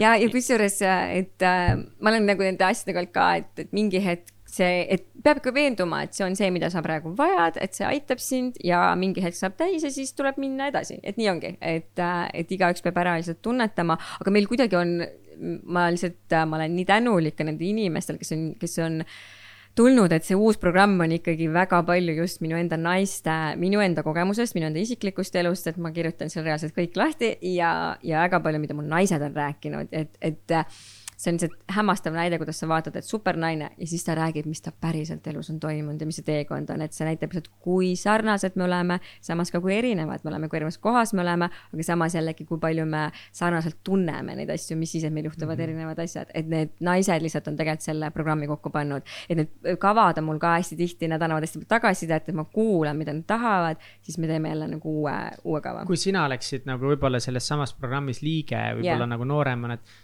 mis on need sinu kõige suuremad väljakutsed või kõige suuremad väljakutsed olnud, millest siis sina sinna kirjutaksid äh,? ma arvan just see, see aus olemine ilmselt enda vastu, et, et ma arvan, et ma läksin ise näiteks ühte rahvusvahelisse naiste, naistele suunatud ettevõtjate programmi äh, paar aastat tagasi ja ma läksin ja ma läksin tegelikult, see on hea küsimus, ma läksin sellepärast, et ma tundsin, et mul on vaja ägedate tegutsevate naiste energiat enda ümber ja ma mm -hmm. tegelikult läksin sellel põhjusel ja seal oli sada vii-, saja viiekümnest erinevast riigist olid siis kõik äh, valitud välja, kes siis said sinna programmi. ja siis meil toimus Dubais oli selline suur konverents mm -hmm. ja see oli hullult äge ja see minu jaoks tegelikult oli päris suur muutja. pärast seda ma nagu sain aru, et äh, oma väärikust tuleb jälle nurkades kokku kraapida, pea püsti jälle minna, mõtelda, et ikkagi ma tahan olla seal, kus ikkagi mind armastatakse ja hinnatakse ja ma tahan seda teha ikkagi, mis äh, mulle meeldib ja seal ma nägin tegelikult, kui väikseks me teeme ennast kogu aeg, ah oh, mis mina, mina ei oska seda ja samas, kui palju mul veel minna on. et seal mul oli hästi palju peegeldust, et kõik ütlesid, issand, kuidas sa liigud ja nii äge asi. ise võib-olla mõtled siin, et kogu aeg, et ei, ma ei ole valmis, ma pean veel selle kursuse ära tegema, ma pean selle, enne kui ma võin kellegi õpetada. et siis oli hästi peegeldus. et sa nagu ise ei olnud kindel oma selles oh,. muidugi, muidugi, ma olen kõigile oma... öelda, et ma olin kõige suhtes ebakindel, et kõik hullud paljud on mulle öelnud, et issand, et noh, sa oled kindlasti terve elu olnud hästi enesekindel. ei, ei, ei, ma arvan, et ma, ma, ma arvan, noh, programmis kirjutasin ka, et ma laulsin kogu aeg laulu, et ma olen väike armas jänku, sest mu emme ja issi kutsusid mind jänkuks. emme vist kutsus mind jänkukeseks ja siis ma kogu aeg, ma olen sihuke väike nunnu ja et mina küll ei saa olla iseseisev ei äh, materiaalselt ega ka mõtete poolest, oma identiteedi mõttes, et sul on oma hääl. oma hääle leidmine on ju tohutu teema tegelikult, et sa mm -hmm. julgeksid üldse suu lahti teha ja rääkida. et äh, võib-olla selles community's ka, mida ma hästi palju tahan teha ja ma lasen ja ma hästi soosin seda, et kõik inimesed ise räägiksid ja ise kirjutaksid, me, meil on seal selliseid traktaate kirjutatakse ja see on kõige ägedam. ma nüüd viimane kord küsisin, et rääkige, millega te tegelete ja meil oli vist üle kolmesaja kommentaari, et kõik siis kirjutasid ja kõik lugesid teist omi ka mm -hmm. ja nagu päris paljud ütlesid, et täiesti hull on lugeda tegelikult, et millega nad tegelevad, et mis kõik on. et ma olin väga ebakindel, ma olin kõigega ebakindel, et ma küll teadsin võib-olla, et ma äh, ega ma ei usu, ma sedagi kogu aeg arvasin, et ma kena olen ma arvan, ma olin kõigega juba kindel.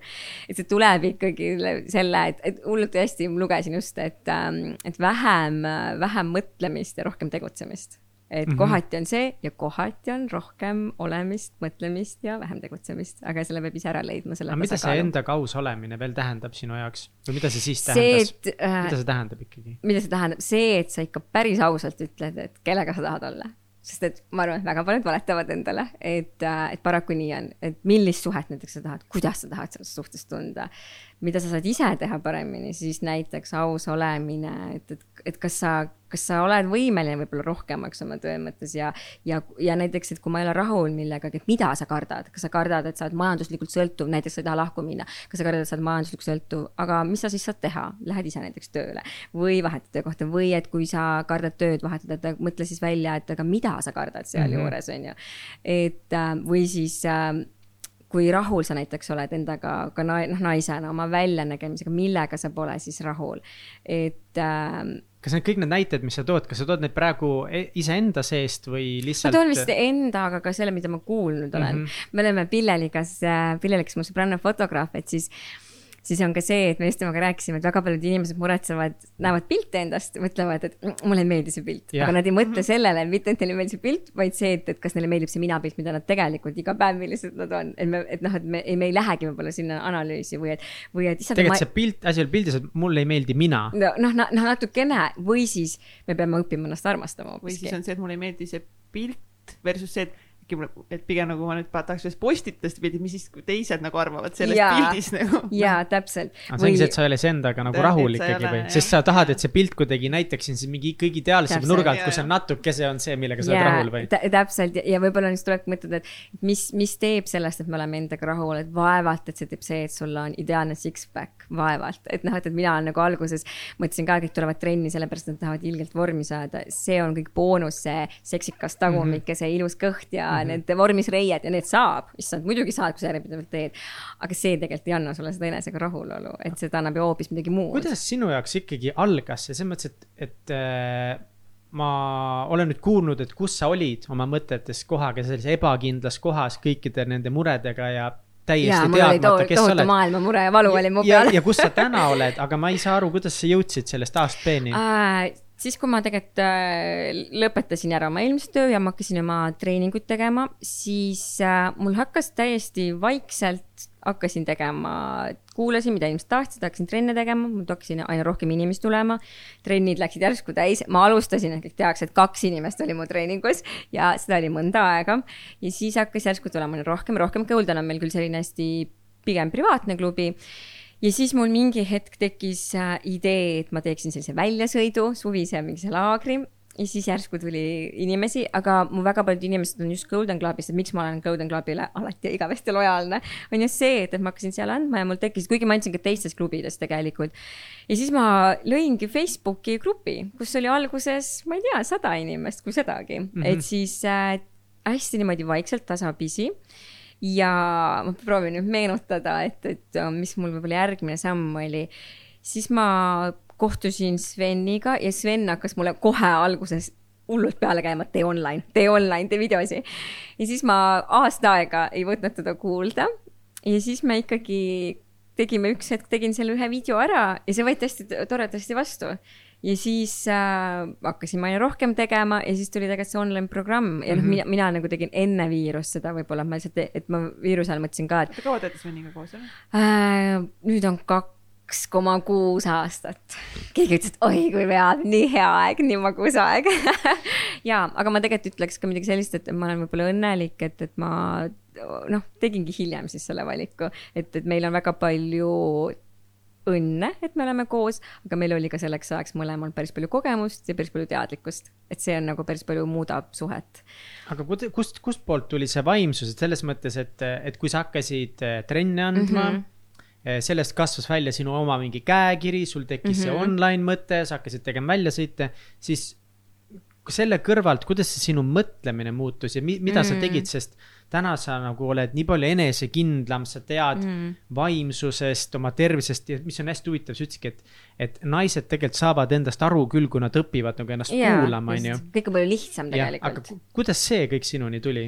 aga tegelikult äh, ma arvan, et see vaimsus siinkohal on kõige suurem roll mu emmel, et äh, mu emme oli alati selline, kes tohutult palju minu ees mu vennaga rääkis kodus, me rääkisime talle kõik ära, kõige intiimsemad asjad ka. et reaalselt ma rääkisin talle kõik, kõik ära ja, ja ta hästi palju võib-olla õpetas meid analüüsima, usaldama. emme oli hästi ähm,, hästi kultuurne, kuna ta oli ka ajalugu õppinud, ta oli hästi laia silmaringiga. et ta hästi palju rääkis meile, me hästi palju lugesime raamatuid, ta ise andis mulle alati nagu raamatuid ja, ja ma arvan, et see vaimsus ja see huvi on, on sada protsenti temalt ja siis noh, tegelikult ja tegelikult ma ütlen ka sealt kunstiajalolt ja õppimiselt, sest see on andnud mulle lihtsalt võib-olla natukene teistsuguse hariduse ja selle teadmise, et, et, et sa võib-olla esiteks, et noh, tuleb harida, tuleb lugeda, tuleb olla avatud ja pluss lihtsalt ka see, et, et võib-olla ka see maailmavaate mõttes, et, et ma olen pool eestlane, pool indialane. et, et võib-olla siis, et see maailm on ka nagu olnud, et siis see vaimsus, vaimsus kuidagi on kaasas, kaasas käinud, et et see, see ei ole minu, et minu, mul ei olnud niimoodi, et, et noh, mingi hetk, oo, et ma nagu avastasin, aga, aga eks ma mingi hetk loomulikult hakkasin ise ka siis võib-olla mingit vastavat kirjandust ja nii edasi nagu lugema. aga ma ütleksin, et see eneseanalüüs või see, et see on tegelikult ikkagi mul nagu perest et, et see on hästi tugev, et juba väiksena, juba, juba teismelisena, kui Mihkel, sul olid kõige suuremad armuvalvud ja need draamad ja asjad mhm. viieteistaastaselt mm, -hmm. et. see oli traagiline aeg. just, see oli, see oli kõige traagilisem aeg, et juba siis me ikka ana-, mul ka, ma arvan, et siis juba analüüsisime ikka tundide viisi neid asju aga ma arvan, et äh, mis on vahe, et mul võib-olla minus on kogu aeg see olnud, aga mul ei olnud seda julgust välja öelda. et selle hääle leidsin ma küll äh, siis, kui ma hakkasin tegema aina rohkem trenne ja võib-olla aina rohkem saama ka tagasisidet, et see on midagi, mis äh, muudab inimestel enesetunde olemise paremaks. et see nagu kasv, ma olen kasvanud täiesti käsikäes oma, nagu ma kutsun neid oma mannateradega, et täpselt nii ma olen kasvanud, et mõned naised on mul olnud juba päris nagu algusest peale. Nad on mul tohutult lähedased, kusjuures vahest on nagu nii lähedased, et keegi ütles, ütles, et iga päev nagu mõtled ja, ja ma ka mõtlen iga päev nende peale tegelikult. et nad on nagu, nad ei ole enam mul lihtsalt äh, inimesed, kes käivad trennis, et nad on nagu kindlasti palju lähedasemad. et siis ma arvan, sellest tagasisidest tekkis see, et, et mm, -hmm. et ma leidsin oma hääle. ongi analüüsimine, uudishimu ja, ja., ja lugemine ja ma olen nõus, et lugemine, raamatute lugemine ja, ja mingite podcast'ide, audioraamatute kuulamine, kõik see avardab meie maailmavaadet nii tohutult. tegelikult absoluutselt ja tegelikult võib-olla on üks asi veel, mida ma väga soovitaks, ma olen alati teinud, et ma olen hästi palju õppinud äh, oma elus äh,. nii et mul on olnud nagu keegi coach või nagu, või nagu üks-ühele. et äh, näiteks kunagi ma õppisin kõhutantsu ja siis ma käisin alati privaattundides ja ma olin alati nii, et ei, ma tahan privaattundi minna, siis ma õpin kõige kiiremini asjad ära. et, et siis võib-olla see selline, et sa leiad alati, ehk siis tegelikult tegelikult nüüd ma hakkan tagantjärgi vaatama, et need olid nagu mu mentorid, et alati sul peab olema elus mentor või mingi guru või, või mingine coach tegelikult, et, et, et mitte kunagi ei tohi vaata olla see, et ma tean nii palju juba, et noh, alati peab see alandlikkusel, ma see alandlikkus eesti keeles on võib-olla kehv sõna, aga see humble olek, et tohutu humble mm -hmm. olek peab minu meelest tulema, et see on nagu tänulikkus. et täna võib-olla ma õpin kõige rohkem oma naistelt ja, ja alati peab olema tõesti mingi inimene, kelle poole sa noh, vaatad heas mõttes ikkagi alt ülesse kust leida neid mentoreid või coach'e, et see on ka jällegi sihuke mm, läbiv joon okay. hakkab vaikselt ja, tekkima ja. siin erinevate inimestelt, väga paljud toovad seda välja, et. et üks asi, mis neil on aidanud mm -hmm. elus nüüd edasi liikuda, ongi mentorid või, või coach'id, konkreetsed mingid treenerid või mingisugused mm -hmm. mentorid, et on sul mingeid nõuandeid või kogemusi? aga ma arvan, et, ma arvan, et esiteks need ajaga ju muutuvad et see oleneb äh, natukene, et äh, mida sa, mida sa, mida sa tahad, kes sind kõnetab. see inimene peab, peab tekitama sinus mingisuguse emotsiooni ja tegelikult, kus neid leida. mida rohkem sa ju tegutsed, mida rohkem sul on silmad lahti, seda rohkem tegelikult nad tulevad, tulevad su teele. mina näiteks. raske uskuda seda. raske, mina isegi, aga tead, isegi see on nii, et see ei pea olema nii, et, et sul on taga nagu mul on praegu näiteks, kui ma teen oma seda 5am-i, siis ma, mul ei ole, ta ei ole ju minu isiklik coach, aga ma kuulan iga hommik seda Robin Sharmat ja ta on väga teada ja tuntud. ja ta, see, see aitab mind emo-, ja het-, tänases hetkes see on nagu piisav mulle, et ma panen ta klappidesse ja ma iga hommik, mul on isegi päevikus õhtul ma märgin, kas ma kuulasin teda või mitte, sest ta praegu mõjub mulle energeetiliselt oh. väga hästi teinekord võib olla see, et noh, ongi, et nagu ma ütlesin, et Annika on ju, et mina sain Annikaga just kokku ka, et, et äh, ollagi, et ta tuleks mu coach'iks, aga ma ei jõudnud tegelikult kahjuks veel sellel hetkel sinna, aga ma kindlasti tahan, et või siis võib-olla mõni inimene, kes on väga sümpaatne sulle, et miks mitte kirjuta otse talle, et kas sa oleks nõus näiteks tegema, väga paljud tegelikult on nõus seda, et, et lihtsalt, lihtsalt, kes ei ole üldse coach mm -hmm.. võib-olla, võib-olla ongi see, et võib-olla ei peagi olema klassikaline coach ja tegelikult ei peagi olema coach, vaid ongi, et noh, mina õppisin kõhutantsu, siis ma läksin selle kõhutantsu, selle mm, -hmm. keda ma väga mm -hmm. nagu armastasin. täna, näiteks täna on, mul on üks naine, kes on väga hea joogaõpetaja Silja Siller, ta on lihtsalt suurepärane, suurepärane inimene, tema on ka ju tegelikult minu coach siis tänases, tänases hetkes, et, et igal juhendajal peab olema see, kus ta õpib. sa mm -hmm. leiad neid, issand, ma arvan, leiab nii palju neid ma ei tea, nagu, sest osad inimesed ongi mõtlemine juba nii paigas ja tundubki, kõik leiab ja kõik tuleb, aga lihtsalt ongi võib-olla see plokk et, et pigem ongi, et sellest plokist üle saada, hakata uskuma, et asjad hakkavad juhtuma, kui sa tegutsed. või siis ja, ja noh, ja tegelikult natuke nii, et iga asjaga saab alati sügavamale minna, et võib-olla me ei peagi nagu kogu aeg mingeid uusi asju võtma, vaid iga asjaga mm -hmm. mina nagu, nagu soovitaks seda, et sügavuti minna. siis need on mingid emotsioonid, mida sa muidu mitte kunagi ei koge, kui sa ei lähe nii sügavale ma tahan sinu käest rääkida teemal nagu fookus, millest me yeah. alustasime seda saadet. mul on isegi üks. trennisari, mille nimi on Fookus. fookus, Jaa. suurepärane. see on selline aeglane hingamisele, enda keha mõtetest vabaks laskmisele suunatud jooga, tantsuline joogatrenn. Fookus, millest sa rääkisid, üks oli ka sihuke konkreetne aja planeerimine, planeerimine oma kalendrit mm. -hmm. kohtumisi, mõelda, kelleks tahad kokku saada, millal sul on reaalselt mm. -hmm. energiat. Aga kuidas sa oma sisemise fookusega tegeled või kas sa tegeled sellega mm. -hmm. sest mina ja ma tean Kats samamoodi, meil on praegu noh, täiega see teema, et no. ma tahaks Helmeses, ma tahaks, Jaa., Helmeses täiega lihtsalt no praegu areneda, tiimijuhid Jaa, suur analüütik, rahvusvaheline. ma tahaks äppi teha täiega, minu oma äpp, kõva business. sa võiks mulle äppi teha, kuule. vabalt, võime teha, me oleme juba mit, mitu äppi teinud, see on lebo. puusalt. kusjuures jumala hästi tuli välja, ma olen üllatunud, kui kiiresti me äppi valmis saime. väga aga, hästi, mul on diil olemas praegu. aga, aga siis veel, by the way, see podcast, mida me juhuslikult kõik siin teeme, kuulame, ma tahaks sellest on ju kõige kõvem asja teha mm, -hmm. no see ongi ülilahe juba seda push ida mm. Mhm. -hmm. ja, ja mulle tundubki, et, et väga raskeks läheb siis, kui on mingid asjad, millega sa võib-olla juba tegutsed ja mis on nagu kõik nagu väga kallid mm Mhm, -hmm. ka mm. mhm. -hmm. aga ma tean sada protsenti, et kõik need asjad täna kannatavad ja nad yeah, ükski absoluutselt. nendest, ükski nendest asjadest, ei Helmes ega äpp ega podcast, tegelikult on neid väiksemaid asju veel mm. Mhm. -hmm. ei saa olla suurepärane minu mm Mhm. -hmm. jaoks, sest ma ei saa anda ühelegi sada protsenti. täpselt. ja tegelikult on ju veel sul vaja aega, kus sa oled vaikuses, üksinda, kus sul on veel nagu seda oma aega ja siis on veel vaja sul aega oma pere jaoks. aga. ma ei tea, mida teha. sama, mina ka ei tea, mida teha. mida teha. oo, nii, nii, palun super save, super save. salvestab ikka või? paneme kõvemaks.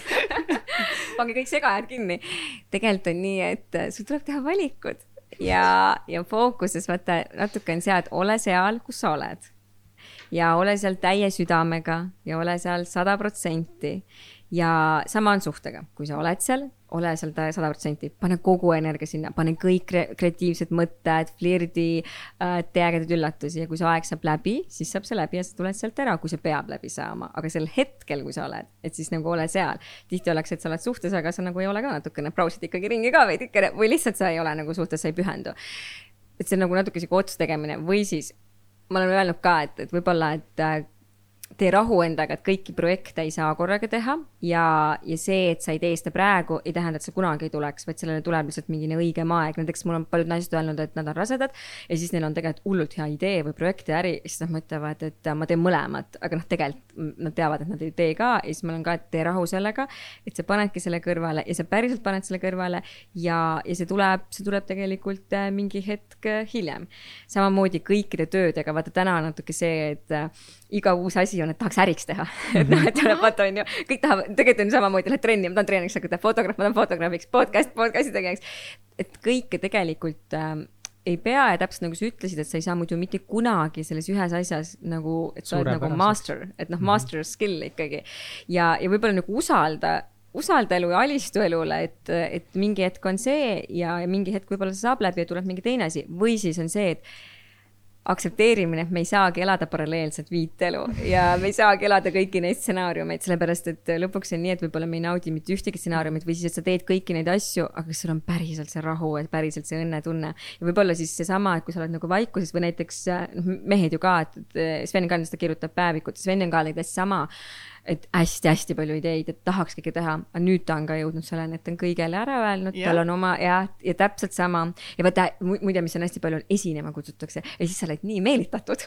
noh, et sa tahad ju kohe minna, milline kompliment, aga siis, kui see esinemine tuleb kätte, miks ma lubasin, et mul ei ole praegu see aeg, et ma isegi paljudele, kui ma programmi nagu teen, siis ma ütlen, et ma olen praegu keskendunud programmile ja me teeme selle siis, ma saan suurepäraselt teha ja ma saan sulle keskenduda ka et, et minu meelest see fookuses olemine, et see on nagu täielik sihuke rahu tegemine, aga mis ma ütlen, mul on väga palju öelda, et mina ei ole selline inimene, kes nüüd ühte asja tahab teha, et ongi öeldud, et ma tahan sadat asja teha ja see sobib mulle suurepäraselt. ehk me jõuame sellest fookusest tagasi aus olemine enda vastu, milline inimtüüp sa oled, kas sa oled see, et sa tahad kõike teha või sa ma ei ole see. tahan kõike teha, selles Tahan mõttes, et mi- mina, ma tahan ka rahvas nii. ma ei suuda. lahti lasta. selles mõttes, et no podcast'ist pole variant ka, et ma lahti lasen, mis asja on ju. no Helmesest ei ole ka praegu varianti lahti lasen, sest nagu ma õpin aga noh, vaata mingi asi mingi asi on ikka prioriteet, et see on see, et kui sa nagu noh, võib-olla sinu puhul ikkagi see no on prioriteet sest ma olen seal kõige rohkem aega ka. jah, Ja- just Jah., et mingi asi on ikkagi prioriteet ja, ja, ja noh, lõpuks ongi nii, et elu ongi ju siukene lahtilaskmiste, aktsepteerimiste, võitude, kaotuste kogum tegelikult. nüüd see, mis sa ütlesid ka, et ikkagi võib-olla see, et noh, see järjekord või et mingid asjad peavad ootama, et see on ka teine asi, et, et nagu nii raske on nagu öelda, et davai, las ootab, võib-olla ma hakkan praegu mõtlema, et võib-olla see on siis okei okay, teha rahu sellega, et ma täna ei suuda panna nii palju siia podcast'i aega mm, Mhm. -hmm. kui ma tahaks, aga et et see tuleb, et selle aeg nagu tuleb, kui mm -hmm. ma Mhm. saan seda rohkem teha, sest ma hakkan nüüd järjest rohkem tundma, et võib-olla see on nagu okei okay,, sest muidu ju tundub, et sa oled ju praegu siin nagu ja meil inimesed ju kõik kuulavad, sina kuulad, et miks ma kohe praegu ei pane sada prossa siia. aga no vaata, seal ilmselt on ka nagu see, et, et see, millesse sa paned niisugust aega, et me ei saa ikkagi ära unustada, et noh, et, et me elame ka materiaalses maailmas on ju, et noh, et, et, et, et sa pead nagu realistlikult ka mõtlema, et kõik need asjad, et umbes, et tee seda, mida su süda tahab, see on imeline lause. aga noh, mõtleme ikkagi, kes arved ka ära maksab, et et ma olen alati nagu muianud selle peale, et, et mingi hetk ongi hästi raske ja sa teedki mitut asja korraga ja kasvõi teed ühe tunni oma sahtlisse kirjutatud projekti jaoks nagu võtad aega, aga sa võtad selle aja ja sa siis nii kaua on ju võtad, kuni sa saad ühe prioriteediks teha, et, et lõpuks on niimoodi, et me peame nagu et kui Pillel ütles, et ma olen hästi realist, siis ma kindlasti olen samavõrra ka unistaja. et, et me peame nagu mõlemat poolt mõtlema, et noh, et sinul ka, et sul on mingi oma töö ilmselt, mis, mis toob sulle lihtsalt igakuise palga, võib-olla kui sa mõtleks, et okei okay,, ma teen oma äpi, siis sa saaksid sealt juba sissetuleku ja sa saakski ainult nagu sellele teha. ja tegelikult on vaata see, et, et, et mingi etapp saab lihtsalt ka mööda mm, et võib-olla praegu on see etapp ja, ja, ja, ja sulle jah, ma ütleks küll, et, et siis tulebki rahu teha teiste asjadega. ja see rahu tegemine minu meelest on siis küll nende igasuguste praktikatega, et mida sa siis teed, et, et äh, praktikad? näiteks ongi noh, et, meil on päris palju, trenn on nagu hea näide, et äh, et me alustame trenni ja siis näiteks keegi on mulle öelnud ka, et tal oli nii hullult see teema südame peal ja ta ei teadnud ja vahest ma ütlen, et mõtle üks teema, pühendan trenn, kogu see trenn liikumine sellele, näiteks siis äh, sulle, et sa mõtled, et, et ma pean lahti laskma sellest, et võib-olla podcast'i teha. Ja siis pärast näiteks see inimene ütlebki mulle, et ma saingi aru, et, et mul, mul tulebki sellest praegu võib-olla natukene aega see eemale panna. Ja, ja ma või näiteks keegi ütles, et ma sain aru, et ma tahan hoopis minna massööriks õppida. Ma ei tahagi teha seda tööd, mida ma tahan teha. et, et siis iga kord äh, see trenn on tegelikult see, mis me teeme matil, on hästi hea peegeldus tegelikult sellele, mis me teeme elus. et täpselt needsamad pingutused, lõdvestused, veits nutad seal, siis higistad, siis rõõmustad, see on ülihea peegeldus sellele, kuidas sul on tasakaal ka elus tegelikult.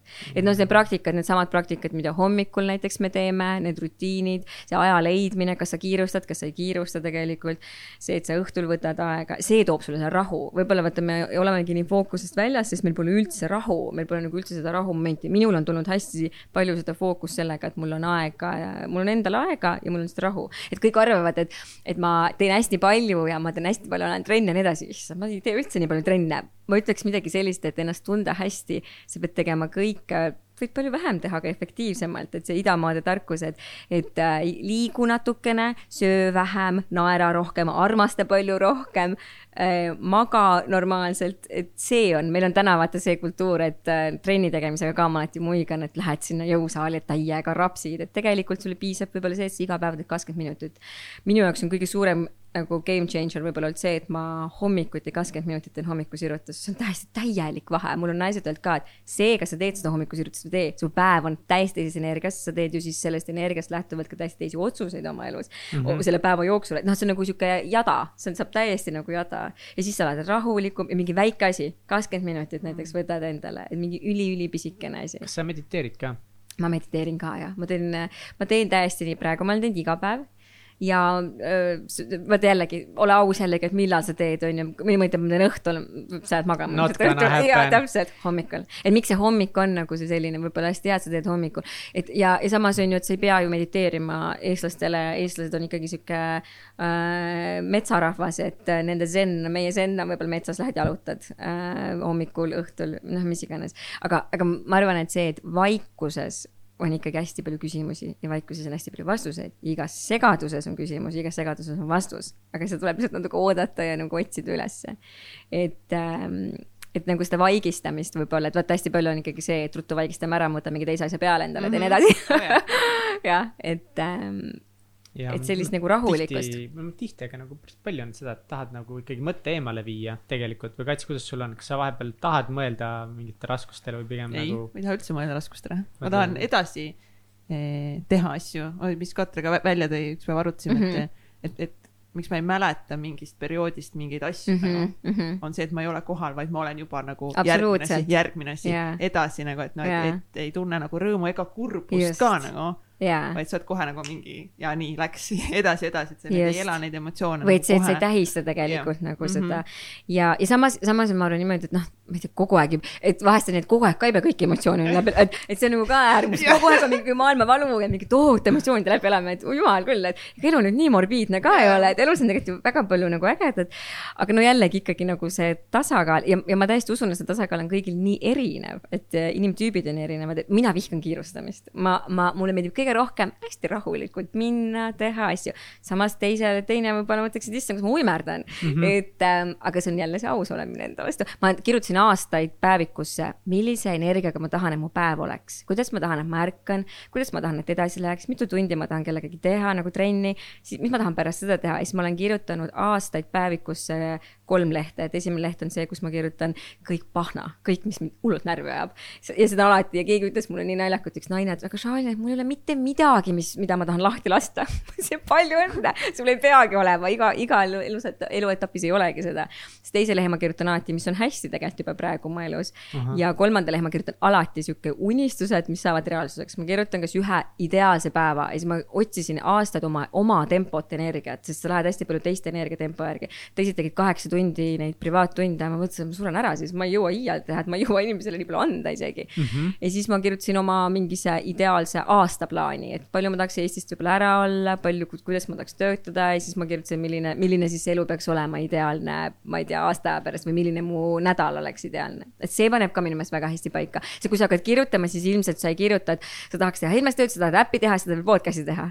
ja siis sa tahaksid veel trenni teha ja oma tüdrukuga olla, sest et see lihtsalt ei mahu sulle reaalselt ja, ära. kaitseliitlane veel jah. ja no täpselt, täpselt, absoluutselt, eh, absoluutselt. no kutsu, keda on vaja kasvatada. lõpuks on lihtsalt see ja lõpuks, lõpuks on võib-olla lihtsalt see, mis on nagu jube kahju, et, et kui need hingetõmbed hakkavad otsa saama, siis sa mõtled, et okei okay,, et, et kas ma ikka nagu olen rahul ka. et, et me peaksime ikkagi elama niimoodi, et et sa tead, et võib-olla need on kohe otsas ja siis sa mõtled, ma alati mõtlen, ma sõidan Saaremaa ja Tallinna vahelt lennukiga väga tihti, siis ma alati mõtlen, et vähemalt ma olen palju armastanud elus. iga kord, kui me, kas ma maandun või mitte. Ja see on nii lohutav tunne lihtsalt. aga mis värk see Saaremaaga, tegelikult ikka väga ei taha Saaremaal elada äh,? mulle väga meeldib Saaremaa. Ja saare inimestel on äh, suurem süda kui teistel inimestel, selles ma olen täiesti kindel. Ma saan aru, meid visatakse nüüd välja siit podcast'ist. Aga hästi-hästi, aga, aga see ei ole lihtsalt minu äh, püsiv elu elukoht, et siin mm -hmm. ei olegi mitte midagi muud, ma olen tegelikult Tartust pärit, aga Tartu pole ka minu püsiv elukoht, et ma tunnen ennast suurepäraselt äh, Tallinnas, mulle lihtsalt tundub see sisetunde järgi lihtsalt väga hea koht. ma ei tahaks ka kuskil mujal mhm. elada, ma tahaks olla mõnda aega eemal kindlasti nendel, nii nagu kõik eestlased tahavad usastel äh, talvekuudel ära olla, aga, aga muidu Saaremaaga on mul ainult väga-väga-väga soojad suhted sealt ei tule midagi. Viljandil on meil maakodu, et mulle Saaremaa, selles mõttes nagu no, Põltsmaa on ka Saaremaal. jaa, Saaremaa või põhimõtteliselt jah, põhimõtteliselt Saaremaa lihtsalt, äh, Saaremaa, ma, kui ma ka aasta aega olin seal, siis see lihtsalt õpetas mulle nii palju, kui, kui ilusad on inimestevahelised suhted. sa hakkad nägema nagu nii palju hoolimist ja nii palju siirust. minu saare, ma kutsun neid oma saare lasteks, nad on lihtsalt kõige armsamad ja mul on nendega vist kõige lõbusam üldse, et meil on hästi konkreetne oma seltskond ja, ja, ja nad on teistsugused ja see, ja see on nii tore. Mis su väljakutsed nagu tänasel päeval, siis mulle tundub, et sul nagu praegu on ikka nagu, enne oli okei okay,, nüüd me nagu tuvastasime selle, et ikka tegelikult oli päris see pekkis, sinul ja, oli ka ja, raske. Gracefiti ülesehitamine oli struggle, sa nägid palju vaeva, eks ole, aga täna, kas nüüd on kõik ideaalne? tead, mis ma tahtsin veel korraks ütelda selle struggle'i selle kohta, et, et sellega on ka täpselt see, et see mõiste kohe muutub, kui sa mõtled sellist asja, et ma ei karda töö tegemist. ma mingi hetk mul tekkis see, et vaata, kogu aeg muidu tahaks nagu vinguda, et ah, mul on nii palju teha ja ma pean yeah, seda tegema aga siis, kui sa mõtled, et ma ei karda tööd siis see täiesti nagu muutub ja sa mõtledki, et ma teengi seda ja seesama, see vaimu tugevdamine. ja kui ma selle nagu mõtte tegin, et äh, nagu vahetus, et, et kogu aeg ei chill'igi, võib-olla ei peagi kogu aeg šampust jooma ja kohvi, mis ma ütlen veel, istuge vähem kohvikus. Päris, mitte teile mõelnud, vaid lihtsalt inimestele.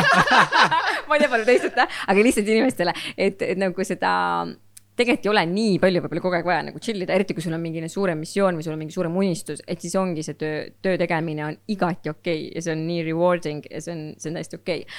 aga tänased väljakutsed uh,. Hmm, no ma arvan, et uh, ma hakkan mõtlema praegu, et noh, mis see kõige suurem ma arvan, et elu võib-olla ei peagi võtma niimoodi, et on mingeid tohutu väljakutseid. aga mis on need, mis sa sinna paberile hommikuti kirjutad, et mida, mis sind vaatad? et let it go lahja, näiteks või? lahti lasta ja mingid asjad, mis sind nagu ärritavad. ma, ma kirjutan vahest, et äh, mingi ängistava tunde, mis mul on mingi nais-, et võib-olla, mis ma ütleks, et, et, et väljakutsed on nii, et nad ju kogu aeg muutuvad, et üks päev on sul see, et äh, tahad korraldada üritust, aga ei tea, kas tänane tervislik olukord lubab meil seda teha, näiteks on ju, et see on ju nagu võib-olla väljakutsed, need on yeah. nagu siuksed argised yeah. nagu võib-olla nagu siuksed äh, väljakutsed. aga ma olen vist jõudnud sinnani, et ole üldse õnnelik, et et mul on elu antud, et mul on käed-jalad ja ma saan teha seda, et enamus asjad ei ole välja, need, või enamus asjad tähendab, ei ole võib-olla üldse mingi teema. Need on head probleemid, mis meil on. ja just, just, mul, meil oli näiteks äh, eelmine aasta, me tahtsime väga kodus venniga ja, ja siis, siis see oli küll nagu mul, noh, meil oli ütleme pool aastat see üks äh, kõige suurem tüliallikas, kui me kodu saime, siis saam, kui hormoonid said paika ja kodu oli ka olemas, ei pidanud enam iga nädal sõitma, siis on tülid ära jäänud, et noh, see näiteks tõesti sel hetkel oli aktuaalne. aga täna ma arvan, et ma olen nagu jõudnud ikkagi selleni, et, et me kõik oleme ju nii surelikud ja, ja, ja mu maailmavaade lihtsalt ongi selline, et tegelikult, tegelikult ei ole mitte midagi nagu pahasti, ma arvan, väga paljud inimesed peaksid äh, oma elu suhtes ka seda mõtlema. et me ikkagi kipume äh, virisema mm -hmm. mõtlemata yeah ja no meil on tegelikult ikka väga hea elu, mul on mega hea elu selles mõttes, ma saan iseendast rääkida, aga, aga jaa, see virisemine ja see tulevikus elamine, ma lihtsalt elan väga palju tulevikus mm, -hmm. sest ähm,. ja see tekitab stressi. jah, just. jah, ja, ja siis, ja siis tekibki võib-olla see, et, et ja, ja siis kõik äh, kasvab üle pea ja, ja sa lähed närvi ja noh, siukse, need on siuksed nagu väiksed argised asjad, et selles suhtes, et võib-olla, mis ma mõtlen ka, et mul on päris palju naisi ja, ja ma näen, mis on päris raskused. et, et noh, et, et ma näen ju, kui, kui, kui raske võib päriselt, päriselt olla, et siis võib-olla ma ütleks, et patt oleks ka praegu siis. mis need päris raskused nagu on? Paljudel on näiteks, ongi väga keeruline võib-olla materiaalne olukord mm, -hmm. ongi võib-olla, sa pead lahku minema, sa pead üksinda oma laste eest vastutama, sa ei tea võib-olla, kuidas sa üldse vastutad äh,, sa kaotad äh, oma lähedasi, et, äh, et noh, et, et, mhm. et siis äh, need on ju nii, jah, need on nagu nii erinevad äh,, erinevad asjad, et ma arvan, et mingid, mingi, et, et väga tihti on meil kõik väga okei okay ja me ei alles siis saame aru, kui meil ei ole enam nagu tegelikult okei. Okay.. üks asi selle vingumise, virisemisega, et vahepeal ongi nagu see, et okei okay,, osad virisevad ja vinguvad hästi palju, aga samas on ka see, et ei julgeta nagu oma päris muredest ja probleemidest nagu, nagu rääkida, et ongi see, et ah, et äkki ma vingun ja, ja mingi noh yeah., kogu aeg teistele, aga tegelikult nagu julgustada nagu rääkida, et kui sul ongi nagu päriselt raske ja noh absoluutselt. väga suured väljakutsed, siis lihtsalt räägi, et ära karda seda näidata kui nõrkusena, ma tean ma ise pean sellega väga palju eh, tööd tegema, et, et see ei ole nõrkus, kui ma ütlengi, et mul on nagu praegu tõesti väga raske. absoluutselt, ja vaat paljud mõtlevad ka nii, et nad ütlevad näiteks, et ma ei tea, et neil on emotsionaalselt hästi raske ja siis kõik ütlevad, noh, mida sa vingud. et see on täiesti ülekohtune, keegi ütles mulle õudselt ilusti, et kui tal oli depressioon, et siis tal oli hästi keeruline, sest tal kõik ütlesid, et sul on ju kõik ideaalne, et noh, et, et see ei ole ju see koht, et me ei mida ma olen veel tõesti õppinud nagu kõikide oma inimeste pealt, et, et, et ei maksa siin anda hinnanguid või arvata, et kõik on tal nii hästi. et see on ainult see, mis pealtnäha on ja see, mis meie nagu sees toimub, et kunagi ei saa ütelda kellelegi, et mis sul ei ole emotsionaalselt raske, et me ei tea, mis nagu tema sees, tema sees toimub. aga, aga lihtsalt võib-olla ma ütleks et, et üheksakümmend üheksa protsenti sinu raskustest on sinu enda teha, et ma hull nagu muuta, et ma hullult usun sellesse, et me saame ise muuta ja eriti võib-olla meie, et me noh, arvestades võib-olla, kus, kus kohas maailmajaos me oleme ka võib-olla siis sündinud või kus me oleme, on ju et, äh, et siis tõesti, et nii palju on enda kätes ja ikkagi nii palju on seda ohvripositsiooni, et ja siis loomulikult on mingi osa, mida, mis on fataalne, aga ütleme, et seda fataalsust on üliväe-, üliväikene nagu osa. et ja ma arvan, et siis, kui sa selle fataalsusega kokku puutud, siis sa saadki nagu sellest lihtsalt aru. et ka kui on nagu emotsionaalselt väga raske, et loomulikult ma ei ütlegi, ma ütlen väga paljud, et ma tean, ma tean, et mul on ka tegelikult olnud ja nii edasi. aga, aga sa tuled sellest välja mm, -hmm. et sa tuled sellest nagu võitjana välja, et, et siis peab olema seda enesesse usku ja loomulikult sul peab olema inimesi, kes toetavad. et äh, ma arvan, et kõige raskem võib-olla, mis ma ütleks inimestele, ongi see, kui neil on üksinda, kui neil ei ole inimesi, kes toetavad, jah, loomulikult. Et äh, alati vähemalt, et sul oleks nagu keegi või siis, et sa saaksid abi vähemalt otsida kuskilt, et, et isegi võib-olla selles mõttes ma loodan, et ka see Gracefiti grupp, et ta pakub tuge, sest et äh, paljudel võib-olla ei olegi inimesi ka ja see on ja, ja tegelikult ma olen ise olnud, mul on väga palju inimesed ümber, aga võib-olla seda keelt, mida mina tol hetkel vajasin rääkida, ei olnud peaaegu kedagi, et, äh, et jah. kas sa oled tundnud ennast üksinda, Kats? Kas sul on piisavalt inimesi ümber? ja ei vaata, see on ka nagu see, et kas sul on nagu, on jah, et kas sul on nagu päriselt nagu mm. need inimesed, et kas sa nagu päriselt mm äh, päriselt julged ka nendega rääkida, et mul yeah. paljud ütlevad, et mul on nii palju inimesi, aga ma pole yeah. kunagi neile sellist asja rääkinud.